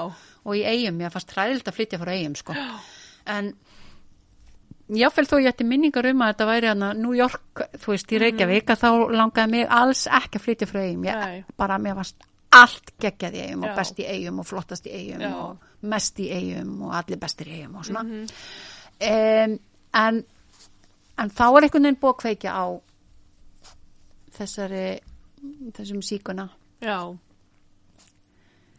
og enn þann dag í dag er ég á þvælingi bara leiðin til Ítali eftir nokkra daga og veit ekki, bara með vonveit ekkert, ég er alltaf með vonveit Já. Elva, nei, hérna Alma. En hvað hérna, hvernig kynnt- kynntistu dómi? Heyrðu, þá fór ég vonveit ekkert til Amsterdam. Já, ok, var svo bara allt í einu komin til Ítalíu. Já, ok, af því að þegar ég lendi í Amsterdam þá, þá er bara verið að kalla í flug til Milano og ég er alveg Milano, já ég fyrir bara þangað. Ég vissi ekki eins og hvað það væri já, en Bara á flugvellinum? já, bara á flugvöldunum í Amsterdam. Ég ætlaði sko að hitta fólk í Amsterdam en Já. svo þegar ég er á flugvöldunum þá er kallað upp hérna last call til Milano. Og ég alveg, já, ég og ég lendi í Milano hérna uh, um kvöld og, og ringi fólk sem ég þekkti að ég hafi farið sko bara í, í heimsótt til íslenskra vinkunum minnar á, á Ítalíu áður og kynst ykkur fólki og ég ringdi þau og sagði, ég er bara að koma hérna með flugvélinu eftir. Já, og þau sagði, heyrðu, þú þarf kannski að byggja eftir okkur því við erum lengur að flugvélinu heldur Já. en þú að fljúa og hérna, þannig ég fætti Sardinju já, og ég kynnist Dómi bara, ég hef búin að búa þar í nokkur ár þegar við kynntumst já, varstu þar alveg bara í marg ára eða? já, fjögur, fimm Já, ok, Já. og hvað varstu komin hana? Þannig er ég 20, ég er örugglega 21 þegar ég fer út, kannski tæpla 21, Já. eða umdabil 21 Já, og ég kom heim 25 ára. já, og hvað varstu að gera? Heyrðu, ég fór að vinna á bar. Já, ok, og svo þegar ég kynntist Dómi við vorum örugglega búin að vinna á þessum bar í þrjú ár, bara uh, hjónin sem áttu barinn voru mér bara eins og foreldrar, indisleg og hjálpuðu mér mjög mikið, góð við mig. Og hérna, en fjölskyldina Stónik og hún rak uh, maturverslanir, svona eins og háköpskeðju ykkur að hana ok. í bænum og, og, og við fengum bara útlitað nánast einn í búðinni til að Já. sjá um og þannig ég var svona búðareigandi í, að- í Olbía Já. á Sardinju og við byggum í eitt ár í saman þessum rekstri og svo fluttum við til Íslands hann hreinlega elskar Ísland vildi flytja hingað ég var nú ekki alveg eins alveg eins sem að það verður nú sniðu hugmynd en að því að svona fyrirvinnan sem er kallmaðurinn þyrfti nú kannski frekar að vera í sínu heimalandi hann talaði ekki stakt orðið ensku og og hérna, að þetta er nú kannski bara svolítið erfitt og flókið en hann bara, hann var skotin í Íslandi held ég þegar hann steig fæti hérna í fyrsta Já. skipti og, og elskar hann mm. þannig að hérna, já þannig ég kynntist um hann að hann kom á amalstæðin sinn á barinn og, og hérna og það var bara nokkrum dögum áður en ég ætlaði að fara að flytja til Íslands aftur búin að vera ok. okay. í ykkur þrjú, fjögur ár og Já. eitthvað svona, já, já, þetta er ekki fínt núna bara búið og já, ég kannski fyrir heim og reyna að fullorðnast og, og já þá kynntist ég manni sem að hjálpaði mér við að fullorðnast og vera pína alvarleg já, já ég held að yngum hafi litist á blíkuna allir búin að menta sig að köpa sér íbúð eða eitthvað já, í eitthvað. og ég en það eitthvað í Ítalíu bara. Ekki alveg byrjuð í lífinu. Já, Mm. og hérna, og þeir skilja hvað þegar þau búin að gifta í, 15-17 ára eitthvað svo leið sem Já. já, já, hún er saman 17 ára já, magnað. Og ertu að fara að hitta hann á Ítalíu? Nei, hvað? Heyrðu, sko, svona minn hann Árilius, hann ætlar að fljúa með mér út, hann ætlar að heimsækja pappa sinn, hann að ég verð ok. sótt af honum á flugvellin. Já. og hann ætlar síðan að skutla mér, ég er að Þeir eru fara, rosalega góði vinir í dag. þótt já, að- við erum öll rosa Já. góði vinnir, já, sem betur fyrr. Einmitt. Og hann ætlar að skutla mér sem sé niður til Amalfi, ég er að fara, ætla að fara að búa núna í þar. Já, ok, Og Ítalíu. Já, og Capri, Já, ok, langar að prófa þá eigu, já, ég er svolítið eigasjúk. já, Já, og hérna, já, þannig ég er bara að fara þanga núna og, og hérna, já, núna tekur hann á móti mér, hann gerði það ekki síðast til ég kom.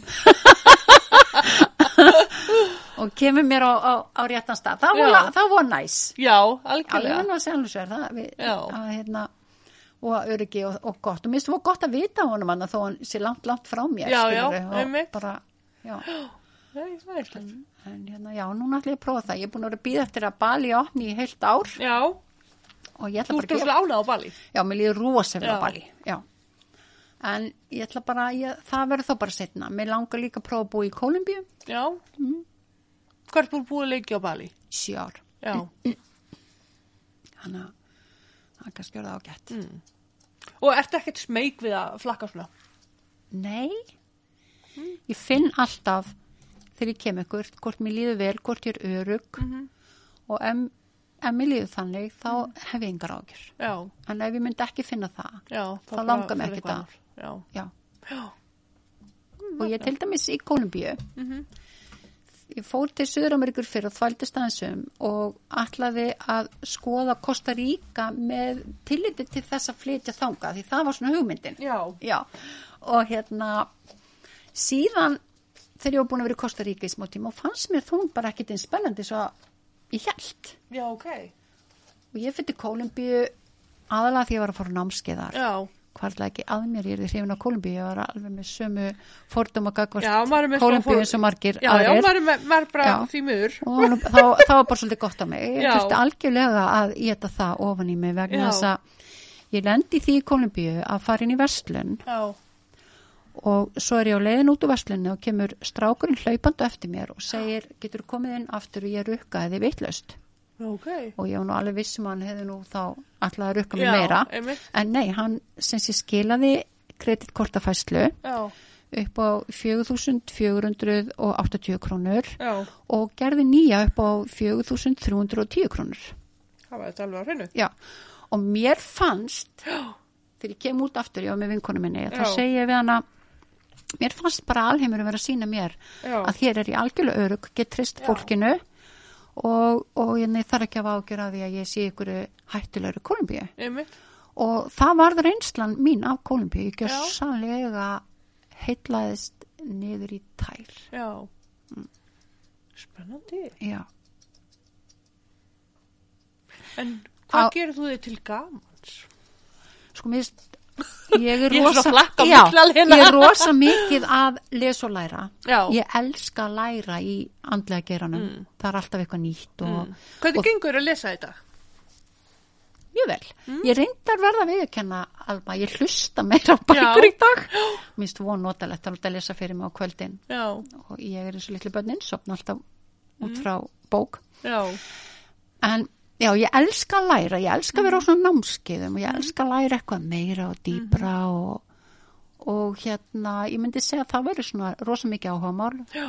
ferðalög. Mér finnst óbúslega gaman að elda góðan mat. Ég elska náttúruna og vera út í náttúrunu og mér er alveg saman hvar ég er í heiminum er náttúruna nálagt Mm. þá er ég ánað því ég Já. vil geta fara út að lappa Já, og ég mitt á Malfi er gönguleið sem heitir Guðavegurinn og ég, að því ég er að hugsa um að vera með retreat eins og alls þar sem ég Já, er. já. Og, og búa til eitthvað skemmtilegt og flott ferðalag fyrir konur. Já, að þá hérna þá finnst mér náttúran og sjórin svona, ég get alveg verið heilu hálfi dagana bara í göngutúru út að ég heiðmörk eða já, nýra á strönd já, bara, dýr, ég elska dýr já, já, flóki búin að kynna því. já. Alveg, Er, ég fólk fer á tónleika, fór ég Já. okkurinn í gæri sem fóða var gjössanlega ekki Já, og ég fer, já, ég fer mjög mikið á svona já, öðruvísi tónleika líka og leikús og eitthvað ég bara ég, ég áhuga mjög mörgur já, Já. bara opinn fyrir öllu. já, Bara lífsglöð ung kona. og er mjög oft hringt í mig og sagt, hei Ósk, hérna við erum að fara að gera þetta hérna og maður alveg, ég skil allavega ég vil stundum hvað er verið að segja mér hvað er verið að fara að gera og ég alveg, já, og mér dætti ég að þú hefur áhuga á þessu. Og ég alveg, já, ok. Ok, þá bara kem ég. Já, já, prófa það. og ég hef prófað ímislegt bara Já. svona því að fólk heldur að ég þetta sé eitthvað ekta fyrir mig. Já, já. Og það er mjög margt sem er þá ekta fyrir mig. Já. já, En hvernig finnst þér að halda tengslunum við fjölskylduna þegar þú ert svona í burtu og svona? bara ég náttúrulega það er það eina sem ég sakna stundum. Ég vildi, vildi ég geti smelt fingur og þá er allir komnir í mat. Uh, en við erum bara svo góð fjölskylda við eh, hittumst á þessu skjáspjalli sem er til núna tæknin, bara ég væri ekki í burtu væri ekki þessi tækni alma því að ég það er rosa munur að geta bara Einmitt. spjalla saman eins og maður vill og sést Mm, sjá hvert annað og þú veist, mamma fyrir bæn og kaupi sér njólp og síni mér hana og, og ég síni henni nýja kjólinn og, og þetta svona heldur manni í góðum tengslum. Já, þannig að ég ætla að segja mér finnst það bara alls ekki erfitt. Já, en ég væri náttúrulega ég kem heim og ég síðan ég fór til Bali þá er ég alltaf heim á sumurinn já. Af því ég elska Ísland bara það mikið ég er ekki burtu af því að mér finnst Ísland ekki gott Nei, nei, nei, nei. ég er bara í burtu af því ég er hrifin á svo mörgu Já, sko, já. og ég þurfti helst að geta klónað mig Já, að hérna þannig ég er alltaf hér í svona þrjá fjóru mánuði á hverju einst ári já. Já, þú sést ekki því að senda svona Vaffa-S-bólur eins og ég gerði þegar ég var upp hér. Það var ekki til messenger, svona þá var maður bara að berga sér og tók upp á vídeo. Nei, það var ekki þegar ég var og ég hef aldrei komist upp á lami það ég er búin að skrifa hins að 20 blað sína bréf Já, mörg já, svo var maður í því líka, sko. Já, En svo þegar maður nefndi ekki að skrifa þá bara var tekin vídeokameran ég vildi að þetta vita á því, Alma. Ég hafði ekki vita á því. Og að hvað þá, sko vídeo, ég hefði kannski kassettu Já, Já, en ekki vídeo það er mér aldrei dótti til hugar. Uh, ertu prakkari? stundum. Er eitthvað svona prakkarastrygg sem að stendur upp úr? Að stundum minnst á það í fjölskyldunni að ég var einu svona beðunum og ætti að móta að skrela karteblunar Mm. hundra manns eða eitthvað álíka. Og ég sagði ekki málið. Fór með kartöfnar út í stórum potti og bara held keppni. Þegar það væri fljótastur að skralla og það hefur stundu verið sagt að það sé svolítið ekta ég að Já, finna einhverjar skemmtilega lausnir. Einmitt. en jú, jú, það er örglega til fyllt af einhverjum prakkarastrikum sem að maður er svona kannski bara búin að gleyma held. Já, já mér gaman að prakkarast já. En hérna, ertu með eitthvað svona lokaord fyrir okkur? bara lífið er reyndislegt Mm. og allir sá texti Já, Já. lífið er reyndislegt með þér, eigan mín þú Já. veist, það er bara, já, lífið er reyndislegt mm. er það ekki? já. Já. Bara þakka ég kellega fyrir að koma og spjalla. Takk, Alma, og aldrei að vita rosa gaman. hérna hafi, já, hafi samband við aftur og fá, fá raunast hvernig gengur og Já, ringdu til Ítalíu. Já, italiano. Já, ég get líka að tala á ítalsku, þú vilti já. Það er ekki ekki Já, Nú fáum við að heyra brotu grein sem að byrtist í jólablaði Dasgrár árið 1991 sem að ber nafnið Eyjamenn lögðu sinn eigin síma fyrir 80 árum. Þess má geta að í ár eru 110 ár síðan að Eyjamenn lögðu sinn eigin síma. Þetta sögubrót er í bóði bókasafsfræsmanniða og hægt er að afla sér meiri upplýsinga á bókasafninu og einni á heimasló.is. Frá miðri 19. öld hafði þróun fjarskiptamála á Íslandi verið stöðug. Ekki skilaði þessi þróun sér til Vestmanneja fyrir árið 1911 og það eftir strit eigamanna. Póstmál hafa oft verið brösulegu Vestmannejar. Eftir miklar umræður og þras var símastrengur lagður um stóran hluta landsins á fyrsta áratug 20. aldarinnar. Ekki treystu menn sér í að leggja sæsímastreng yfir til Vestmanneja.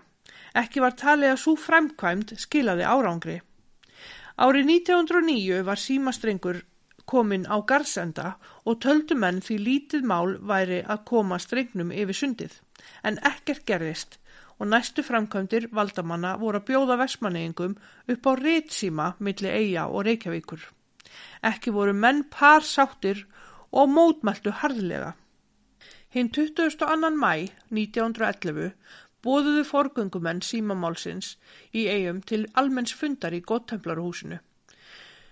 Húsfyllir var og kapp og hiti í mörgum. Alþingi fekk þar sitt fyrir afstöðu þess gagvart Vestmanneabegð í þessu mikilvæga máli, ritt síma og talsíma málinu.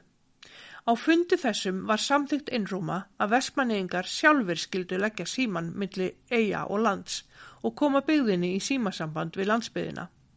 Til þess þurfti mikið fjö á þeirra tíðar kvarða og fundarmenn buðu fram fjö síðasta eiririnn skildi greittur til þess mikilvæga framtags og fyrirtækis. Á fundunum söfnus þegar 12.000 króna. Það var mikið fjö árið 1911 og þó ekki nema fjórði hluti þeirra fólku sem áallar var að kosta myndi að setja Vestmanneabegð í fullkomi símasamband við landsbyðina. Samlega því að sapna fjö í eigum til framkvæmdana var hafist handa um að stopna hlutafélag til þess að hrinda verkinu í framkvæmd. Fórustumæði þeirra félagsamtaka var Gísli Jó Jónsson, útgeramaður og kaupmaður. Félag þetta kölluð þeir Rit og Talsíma hlutafélag Vestmanneja. Í þriðju grein félagslagana segir svo Tilgangur félagsins er að stopna og starfrækja rit og talsímasamband milli Vestmanneja og þeirra landsímastöðva sem hendast þykir, svo og talsímasamband í Vestmannejum. Fjórðagrein lagana var þannig orðuð. Stoppfjö félagsins eru 30.000 krónur sem skiptast í 600 hluti og hver hlutur 50 krónur. Stjórn félagsins hefur heimil til að ákveða auka stoppfjöð upp í allt að 40.000 en til aukningar þar fram yfir þarf samþyggi aðalfundar. Lögfélagsins voru annars 21 grein og svo bráðabyrðar ákvæði þessi. Hlutafar greiði helming af hlutum sínum fyrir 1. júli 1911 og síðari helming fyrir 1. september sama ár. Marga fundi heldur forgöngumennir með sér og nokkrum eigamönnum öðrum áður en seinasti stoppfundurinn var haldinn hinn 18. júni mánadar 1911. Svo var mælt í 14. grein félagslagana að stjórn þess skipuðu fimm menn og skildu þrýr þeirra vera búsettir í eigum. Þannig var frá upphafi stemt að því að sapna fjö, hlutafjö utan eigana og ættu þeir hlutafar þá trúnamenn í stjórn félagsins. Í stjórn, rit og talsíma hlutafélags Vestmanneja voru kostnir þrýr valinkunir eigamenn. Gísli Jó Jónsson, formaður, Þorstein Jónsson, útvegsbóndi og formaður í Lauvási og Sigurður Sigurfinnsson, hreppstjóri á heiði í eigum. Tveir stjórnumenn voru búsettir í Reykjavík og höfðu beitt sér ótröðir fyrir fjársöfnun þar og glætt skilningi manna á nöðsinn fyrirtækisins. Það voru þeirri Jón Þorlagsson, þá landverksfræðingur og áhrifamaður í stöðu sinni, síðar fósittisráð þeirra, og Jón Magnússon, þá bæjafókiti í Reykjavík og alþingismadur Vestmanneginga og síðar fósittisráð þeirra. Kveikt hafi verið í fórustumönnum rangaðinga um þetta sjöksunamál. Þeir hafðu ekki minni áhuga en eigabúar um sambandi millir byggðana. Frændur eru á stundum frændum bestir. Svo reyndust þeir í þessu máli. Björgvin Vikfússon, síslumaði þeirra, beitti sig fyrir því í sístunemnd Rángavallasíslu að síslan leði fram úr sjóði sínum 6.000 króna til kaupa á hlutabrjöfum í þessu sæsíma fyrirtæki Vestmanneginga. Og það var mikið fyrir þá. Jafnframt öllu þessu mikla starfi triði formaður rít og talsíma hlutafélags Vestmannega Gísli Jóði Jónsson sér og eigabúum í heild, velvild og hjálpsimi landsímastjórans, Normannsins og Forbergs til þess að fá leifi landstjórnarinnar til sæsímalagningu og símatengsla í heild við landsímakerfið og svo til kaupa á sæstrengnum og öllum tólum og tækjum til símans. Einni verkfræðilega aðstóð við lögn hans bæði á sjó og landi. Ekki var það lítill styrkur þessum sérlegu framkvæmdum öllum að formaði rít og talsímafélagsins triði eigabúum áhrif hinn að mætu manna. Jónanna Beggja sem skipuð sæti sín í stjórn félagsins. Landsímastjórin áallaði að allur kostnæður við sæsímalögnina myndi nema 37.000 króna. Í uppa þeirri átti að félags kaupverð sæstrengsins sjálfs, flutningur hans til landsins og lögn hans yfir álinn millir lands og eiga. Þá fólst egni í verðu þessu andverði símastöðrana sem nota þyrti frá garðsauka niður til strandarinnar, söður á holmsandin og vinna við að grafa fyrir þeim og koma þeim fyrir. Einni þurfti að kaupa öll tól og tæki í millistöðvarnar frá garðsauka að holmsandi en þær voru hemla, miðei og holmar. Milli holmasands og eðisins skildi strengurinn likja.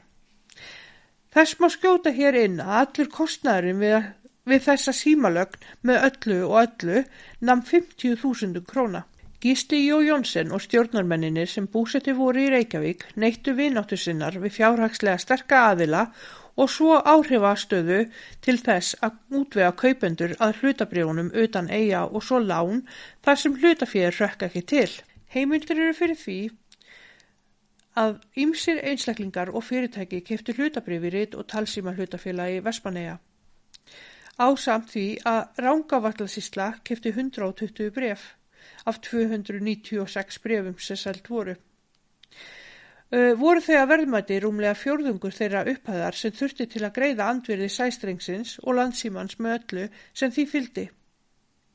Saminniða gufuskipufélagið danska lánaði rít og talsíma hlutafélagi Vespanega 10.000 krónur fyrir orð Gísla Jó Jónsson. Það lán var til 10 ára og vaksta laust. Þessi drengskapur hins danska skipafélags þótti eigabú mjög þakkaverður. DDPA útvegaði skip til þess að flytja sæsímastrengin til landsins. Von var á skipi til landsins með sæstrengin um miðjan ágústmánuð. Þá tilkynningu hafði landsímastjórin fengið. Þess vegna sendi hann 10. ágúst sex verkamenn með vekstjóra austur í landegar þeir áttu að láta ferja sig þaðan til Vestmanneja. Þar sem þeim var ætlað að undibúa lögn sæstrengsins áður en skipi kæmi til eiga. Verkamönnum þessum fyldi einn af verkstjórum landsímastjórnarinnar, normaðurinn Kristján Björnes. Guðlugur Nikolásson, bóndi í Hallgesei, tóka sér að flytja menn þessa til eiga. Þeir íttu frá landeasandi síðar í hluta förstu dagsins 11. ágúst og komi í höfni í eigum þegar að kvöldi leið. Þeir hreftu blíðu veður yfir álinn. Þegar hér var komið að sögu hafði Þórun Jónsdóttir frá Túni í eigum reiki matsölu í þingkolti við heimagötu nr. 2 um tveggjara skeiðið að svo. Þarna fíku gestinni satt hungur sitt er þeir komið til eiga þreyttir og svangir eftir óðurinu yfir sundið. Liði var nær að miðnætti þegar þeir höfðu lokið við að matast. Þá kom til þerna Þórunar matsölu konu til að losa sig við gestinu og aflæsa húsi fyrir nóttina en þá kom Babi bátinn. Eðlilegt fannst gestunum það að loka þurfti húsi þar sem liði var fasta miðnætti, en hvar áttu þeir að gista? Í ljós kom að þeim hafi engin gististafi verið ætlaður. Aðeins hafðu forgöngumenn símamálsins hugsa fyrir gistingu norska vekstjórans. Hann tók það hins vegar ekki í mála yfirgefa félaga sína fyrir að þeim var treyð gisting. Um þetta var rætt fram og aftur Endurinn var sá að Þórun veitingakona varð að leifa gestunum að búa um sig í matstofunni í Þingkolti. Þar gisti líka norski vekstjórin. Þarna byggu þeir um sig, ímist á stólum eða golfinu og lágu við lánuð teppi og svo yfirhafni sínar, þar sem eftirliði nætur. Dægin eftir leituðu símamennirnir á náðir frenda sinna í kauptúrunu eða kunningja eða þá annara sem vildu hýsa þá, málefnisins vegna þar til skipi kæmi með sæsímastrengin og lögningæti hafist. Dægin eftir gistinguna í Þingkolti eða lögadaginn 12. ágúst tóku þeir þá ákförðun að skemta sér á þjóðótti Vesmanega sem hófst þá eftir hádegi. Þá var það kvennfélagi líkn sem stóð fyrir þjóðóttíðin í Herjólstall. Gestinni fengu lánuð spariföt hjá þeim sem áttu þau til skiptana og skemmtu sér síðan sérlega vel með eigabúum þarna í dalnum Mánudaginn 14. ágúst hófu svo gestinni sjö að undirbúa komu skipsins með sæsímastrengin. Stend var að því að tök yrðu á að leggja sæstrengin milli eiga og lands þó að brim yrði við eigðið og landegasand þegar skipi kæmi. Kaðall var láður frá Holmasandi út fyrir Ista sandrifið og dubl haft þar við endan og þungur stjóri. Samskonar undibúningur fór fram norðan við eigðið. Á sjálfri Maríumessunni mánudeginu 15. ágúst kom svo skipið með sæsímastrengin. Þetta var þýskur tógari, Pólar Stern, eða Pólstjarnan að nafni og hófst þá strax lögn sæsímastrengsins yfir sundið út frá eyðinu. Lögnin gekk sérlega vel en það besta veður, norðan kaldi og bjartviðri. Botnin norður af eyðinu hafi verið kannaður nokkuð svo að tök yrðu á að leggja strengin á sem hættuminstum botni fram hjá bríkum og hraunsnögum sem þar eru víða á hraunbotninum. Dálítil sandgeil fannst þarna á milli hraunbríka og var seilst eftir að fylgja henni svo langt sem kostur var. Vegalengdin eða strengurinn sem lagður var reyndist vera 13 kílometrar. Við sandin var skipið að liggja langt frá landi vegna sandreifs þess er þar liggur, svo að segja fyrir allir ströndinni en sökum hagfælds og góðs undibúnings gekk mjög vel að koma sæsímastrengs endanum á land. Þar voru margir menn í sandi sem lögðu ótröðir hönd á plóin og dróðu streng endan svo langt upp á ströndina sem þurfa þótti. Þungur var drátturinn því að strengurinn var gildur. Sera Jés A. Gíslason, skrifstofustjóri Edinborgarveslunar, getur þess að frá margra sjónarmiði hafi þetta verið einhver mesti happadráttur sem þarna hafi verið á land dregin til hagnaðar og hamingju öllum söðurlandsbyggðum og þó fyrst og fremst Vestmanniða byggð. Forberg landsímastjóri hafi fest kaup á sæstrengnum 13 km lungum Fyrstu 1500 metrarnir af honum út frá eyðinu voru gildari en strengurinn ella vegna hraunbónsins þar norður af og því hættu á sliti. Þá annaðist landsímastjóri kaup á öllu öðru efni stóru og smáu sem þurfti til framkvæmdana. Einni lánaði hann verkamenn frá landsímanum, menn sem vanir voru verkinu og höfðu sumir að minnstakosti tæknilega kunnáttu til brunsa bera svo allt yrði rétt og vel unnið. Vitaskuld fekk landsímastjóri skriflegt umboð frá rít og talsíma hlutafélagi Vestmanneja til þess að framkoma innkaupin og skundbinda félagið til greiðsla og öllu saman. Hér byrti ég umboði til handa landsímastjóra. Til herra landsímastjóra og Forberg Reykjavík. Hér með veitir undirritu stjórn, rít og talsíma hlutafélags Vestmanneja yfir fullt og ótakmarka umbóð til þess að gjöra innkaup á öllu efni og áhöldum til hinnar fyrirhuguðu símalínu milli garðsauka og Vestmanneja á samt tilherandi stöðum. Einni veitum við vér yfir umbóð til þess að ráða verkstjóra og fólk til að framkoma verkið og gjöra aðrar rástafanir sem nöðsynlegar eru til þess að síma samband millir Vestmanneja og Meilandsins komist sem fyrst á. En fremur veitist yfir umbúð til þess að gera samning við repstjóra þá, þar sem símin kemur til að liggja á landi sem um símstöðar og annað er með þarf. Til leifinningar skal teki fram að nú eru lofaðar um 24.000 krónur í hlutum og væntir stjórnin að eitthvað bætist við þá upphæð síðar meir. Stjórnin lofar að sjá um greiðslu og öllu því er þér kaupið innan til símans. Vestmanneum 2. júni 1911 Gísli Jóð Jónsson, Sigurður Sigurfinnsson, Þorstin Jónsson. Hinn 30. júni sömari 1911 kom nost skip til Vestmanneja og lagðist við akkeri á víkinni í vestan andvara og björtu veðri. Það var gufuskipi Stralsund.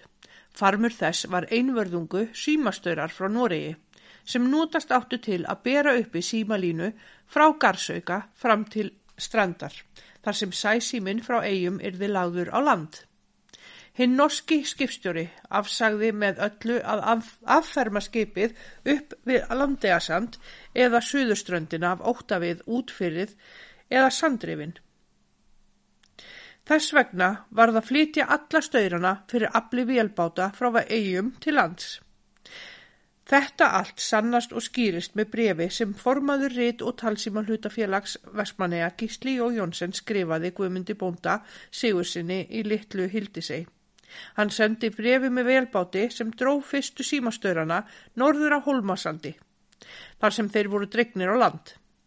En Guðmundu Bóndi er enn þektur mætismadur hér í eigum. Guðmundur Sigursson frá Heiðardal við Hásteinsveg sem enn býr hér nú 88 ára aldri. Bref þetta var dagsett 1. júli 1911 eða daginn eftir að skipið Stralsund kom til eiga með staurana og orðaðist þannig. Herra Guðmundur Sigursson hildi seg. Síma staurarnir komu hingað í gerkvöldi með skipi beint frá Noregi og þar eða ekki er nærri því komandi að fá skipi til að fara upp að sandinum með þá var það neyðast til að skipa þeim upp og verður svo að reyna að koma þeim í flótum til lands. Ég vil byggja þig samkvæmt umtali er þú varst hér á ferð síðast að veita þeim móttóku í sandinum og sjá um flutning þeirra upp á grös.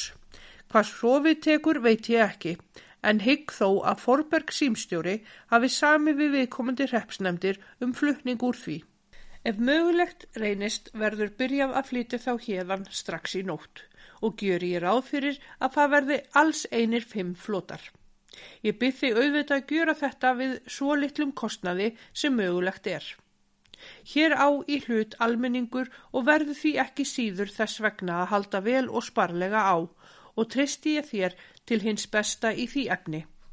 Verðingafylst Gísli Jóð Jónsson Alls höfðu þá 35 menn óskað þess að fá síma í húsin í Vestmannauðum og æstuð átján eftir síma áhöldum hángandi á vegg en 17 vildi fá tæki sem stæði á borði. Í samvinnu við landsímastjóran var jáfnframt unni að því að komið yrða á stopn í Vestmannauðum símiritandi veðuratúunastöð. Í brefi frá landsímastjóra voru sett fram ákveðin skilirði fyrir því að þessi stöð yrði stoppsett í Vestmannauðum. Í brefi landsímastjóra varðandi þessa veðufregnastöð eru tekinn fram nokkur atriði sem eru skilirði hans fyrir því að þessu velferðamáli útveksins og sjómanastjættarinnar í kauptunnu sérstaklega verði synd að svo stöttu.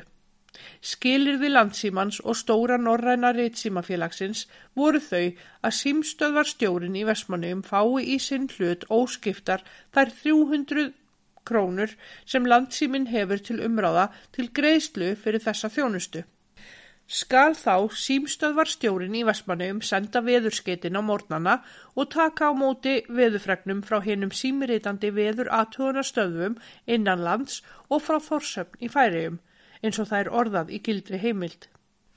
Hinn 29. ágúst eða sjálfan höfudaginn komu til eiga tveir eða þrýr tæknifræðingar frá landsímastjórninni með tæki og tól til þess að koma á talsímasambandinu á milli eiga og Reykjavíkur og svo allra landsbyðarinnar. Hinn 7. september 1911 átti sér stað fyrsta símasambandi milli eiga og Reykjavíkur. Það gerist af eiðinu, hinnu gamla og kunna þræla eiði. Hinn áttunda sama mánar var ritsýminn tekinni nóðkun og símskeiti dinja að hvaðan æfa, segir í merkri samtíma heimild. Síminn var lagður á staurum frá eigðinu vestur fyrir botnin og austur í Boston, gömlu bröðsölubúðina sem var fyrsta símstöðin í eigum. Þetta var líti hús sem rifi var fyrir fjá, fáum árum. Það stóð rétt austan við Vestlunahús Vestlunafélagsins gamla. Það er rétt austan við njarðastík fjögur, efst við formannasund, sem nú heitir formannabraut. Síðan sund þetta var brekkað og mótað á nútíðar vísu, eins og vegur eða braut, sem síðan var malbygguð. Boston var gamalt brauðsöluhús, sem Stefan Gíslason frá Hlýðarhúsi let byggja. Þar seldi hann brauð á sínum tíma. Þess vegna var þetta hús kallað brauðsölubúðin, öðru nafni eina bröðsölubúðin í kauptununu um nokkur skeið. Í oktober mánuði um haustið, 19. oktober, segir ein heimildin var hafið það verk að setja niður símastöura í kauptununu. Telefónstöyrar voru þeir þá nefndir. Símstöðarstjóri var ráðinn Petersen tengdarsonur Gísla Kaupmann Stefánssonar í Hlýðarhúsi. Nú var sigur unnin í þessu mikla menningarmáli byggðalagsins og fannst þá stór mennum þess mál til komið að fá sér eilítinn glaning til minningar um unnin afreg. Þetta samsæti stórmenna átti sér stað annan desember 1911. Svo segir um það í merkri heimild. Samsæti hjá stórmennum þessa byggðalags í tilefni að síma sambandi til eiga, etið og drukki í dýrlegum fagnaði og svo eru sett tvö hásmerki á eftir þessum orðum í dagbók. Rít og talsíma hlutafélag Vestmanneja var veitt engaleifi til rekstus símans í eitt ár og skildi það engaleifi framlengt til tíu ára ef landstjórnin að fyrsta árinu liðnu óskaði ekki að yfirtaka reksturinn og kaupa allt símakerfi eigamanna. Að fyrsta árinu liðnu komi ljós að mikill hagnaður, fjárhagslegur hagnaður, var af símarekstri eigamanna afrið þá landstjórnin að ríkisjóður, landsjóður, skildi kaupa allt símakerfið Vespaneinga sangkvæmt samningi kerfið í heild með þrem símstöðum á fastalandinu í Hemlu, Miðvei og Holmum. Sæstrengin og alla símastöðurna bæði á fastalandinu og á heimaði. Greitt var kostnaverð fyrir allt þetta símakerfi að frádregnum 1500 krónum sem samkomulagið náðist um. Það taldist vera rýrnun fyrning á símakerfinu í heild eftir fyrsta rekstursárið. Hlutafar fengu 15% arð af hlutafésínu þegar upp var gert og sanna þá okkur að tekjurnar urðu ríflegar og fengu eigamenn ekki aðra tekjur en þær sem komu inn á þeirra kerfi. Þá má gera sér í hugalund hversu landsýmin í heild grætti á þessu framtæki eigamanna. Í riti því sem landsýminn gaf út á 20 ára ammali sínu er þessa framtags eigamanna nauma sketið. Gísli og Jónsson skrifa á sínum tíma um þessa hunsun landsýmastjórnarinnar á þessa leið. Hvort versmannegar eru skoðaðar, ekki þess verðar að minnast á þær, eða eins og fyrir utan landslög og rétt eins og stundum lítur út fyrir þegar versmannegar eiga í hlut.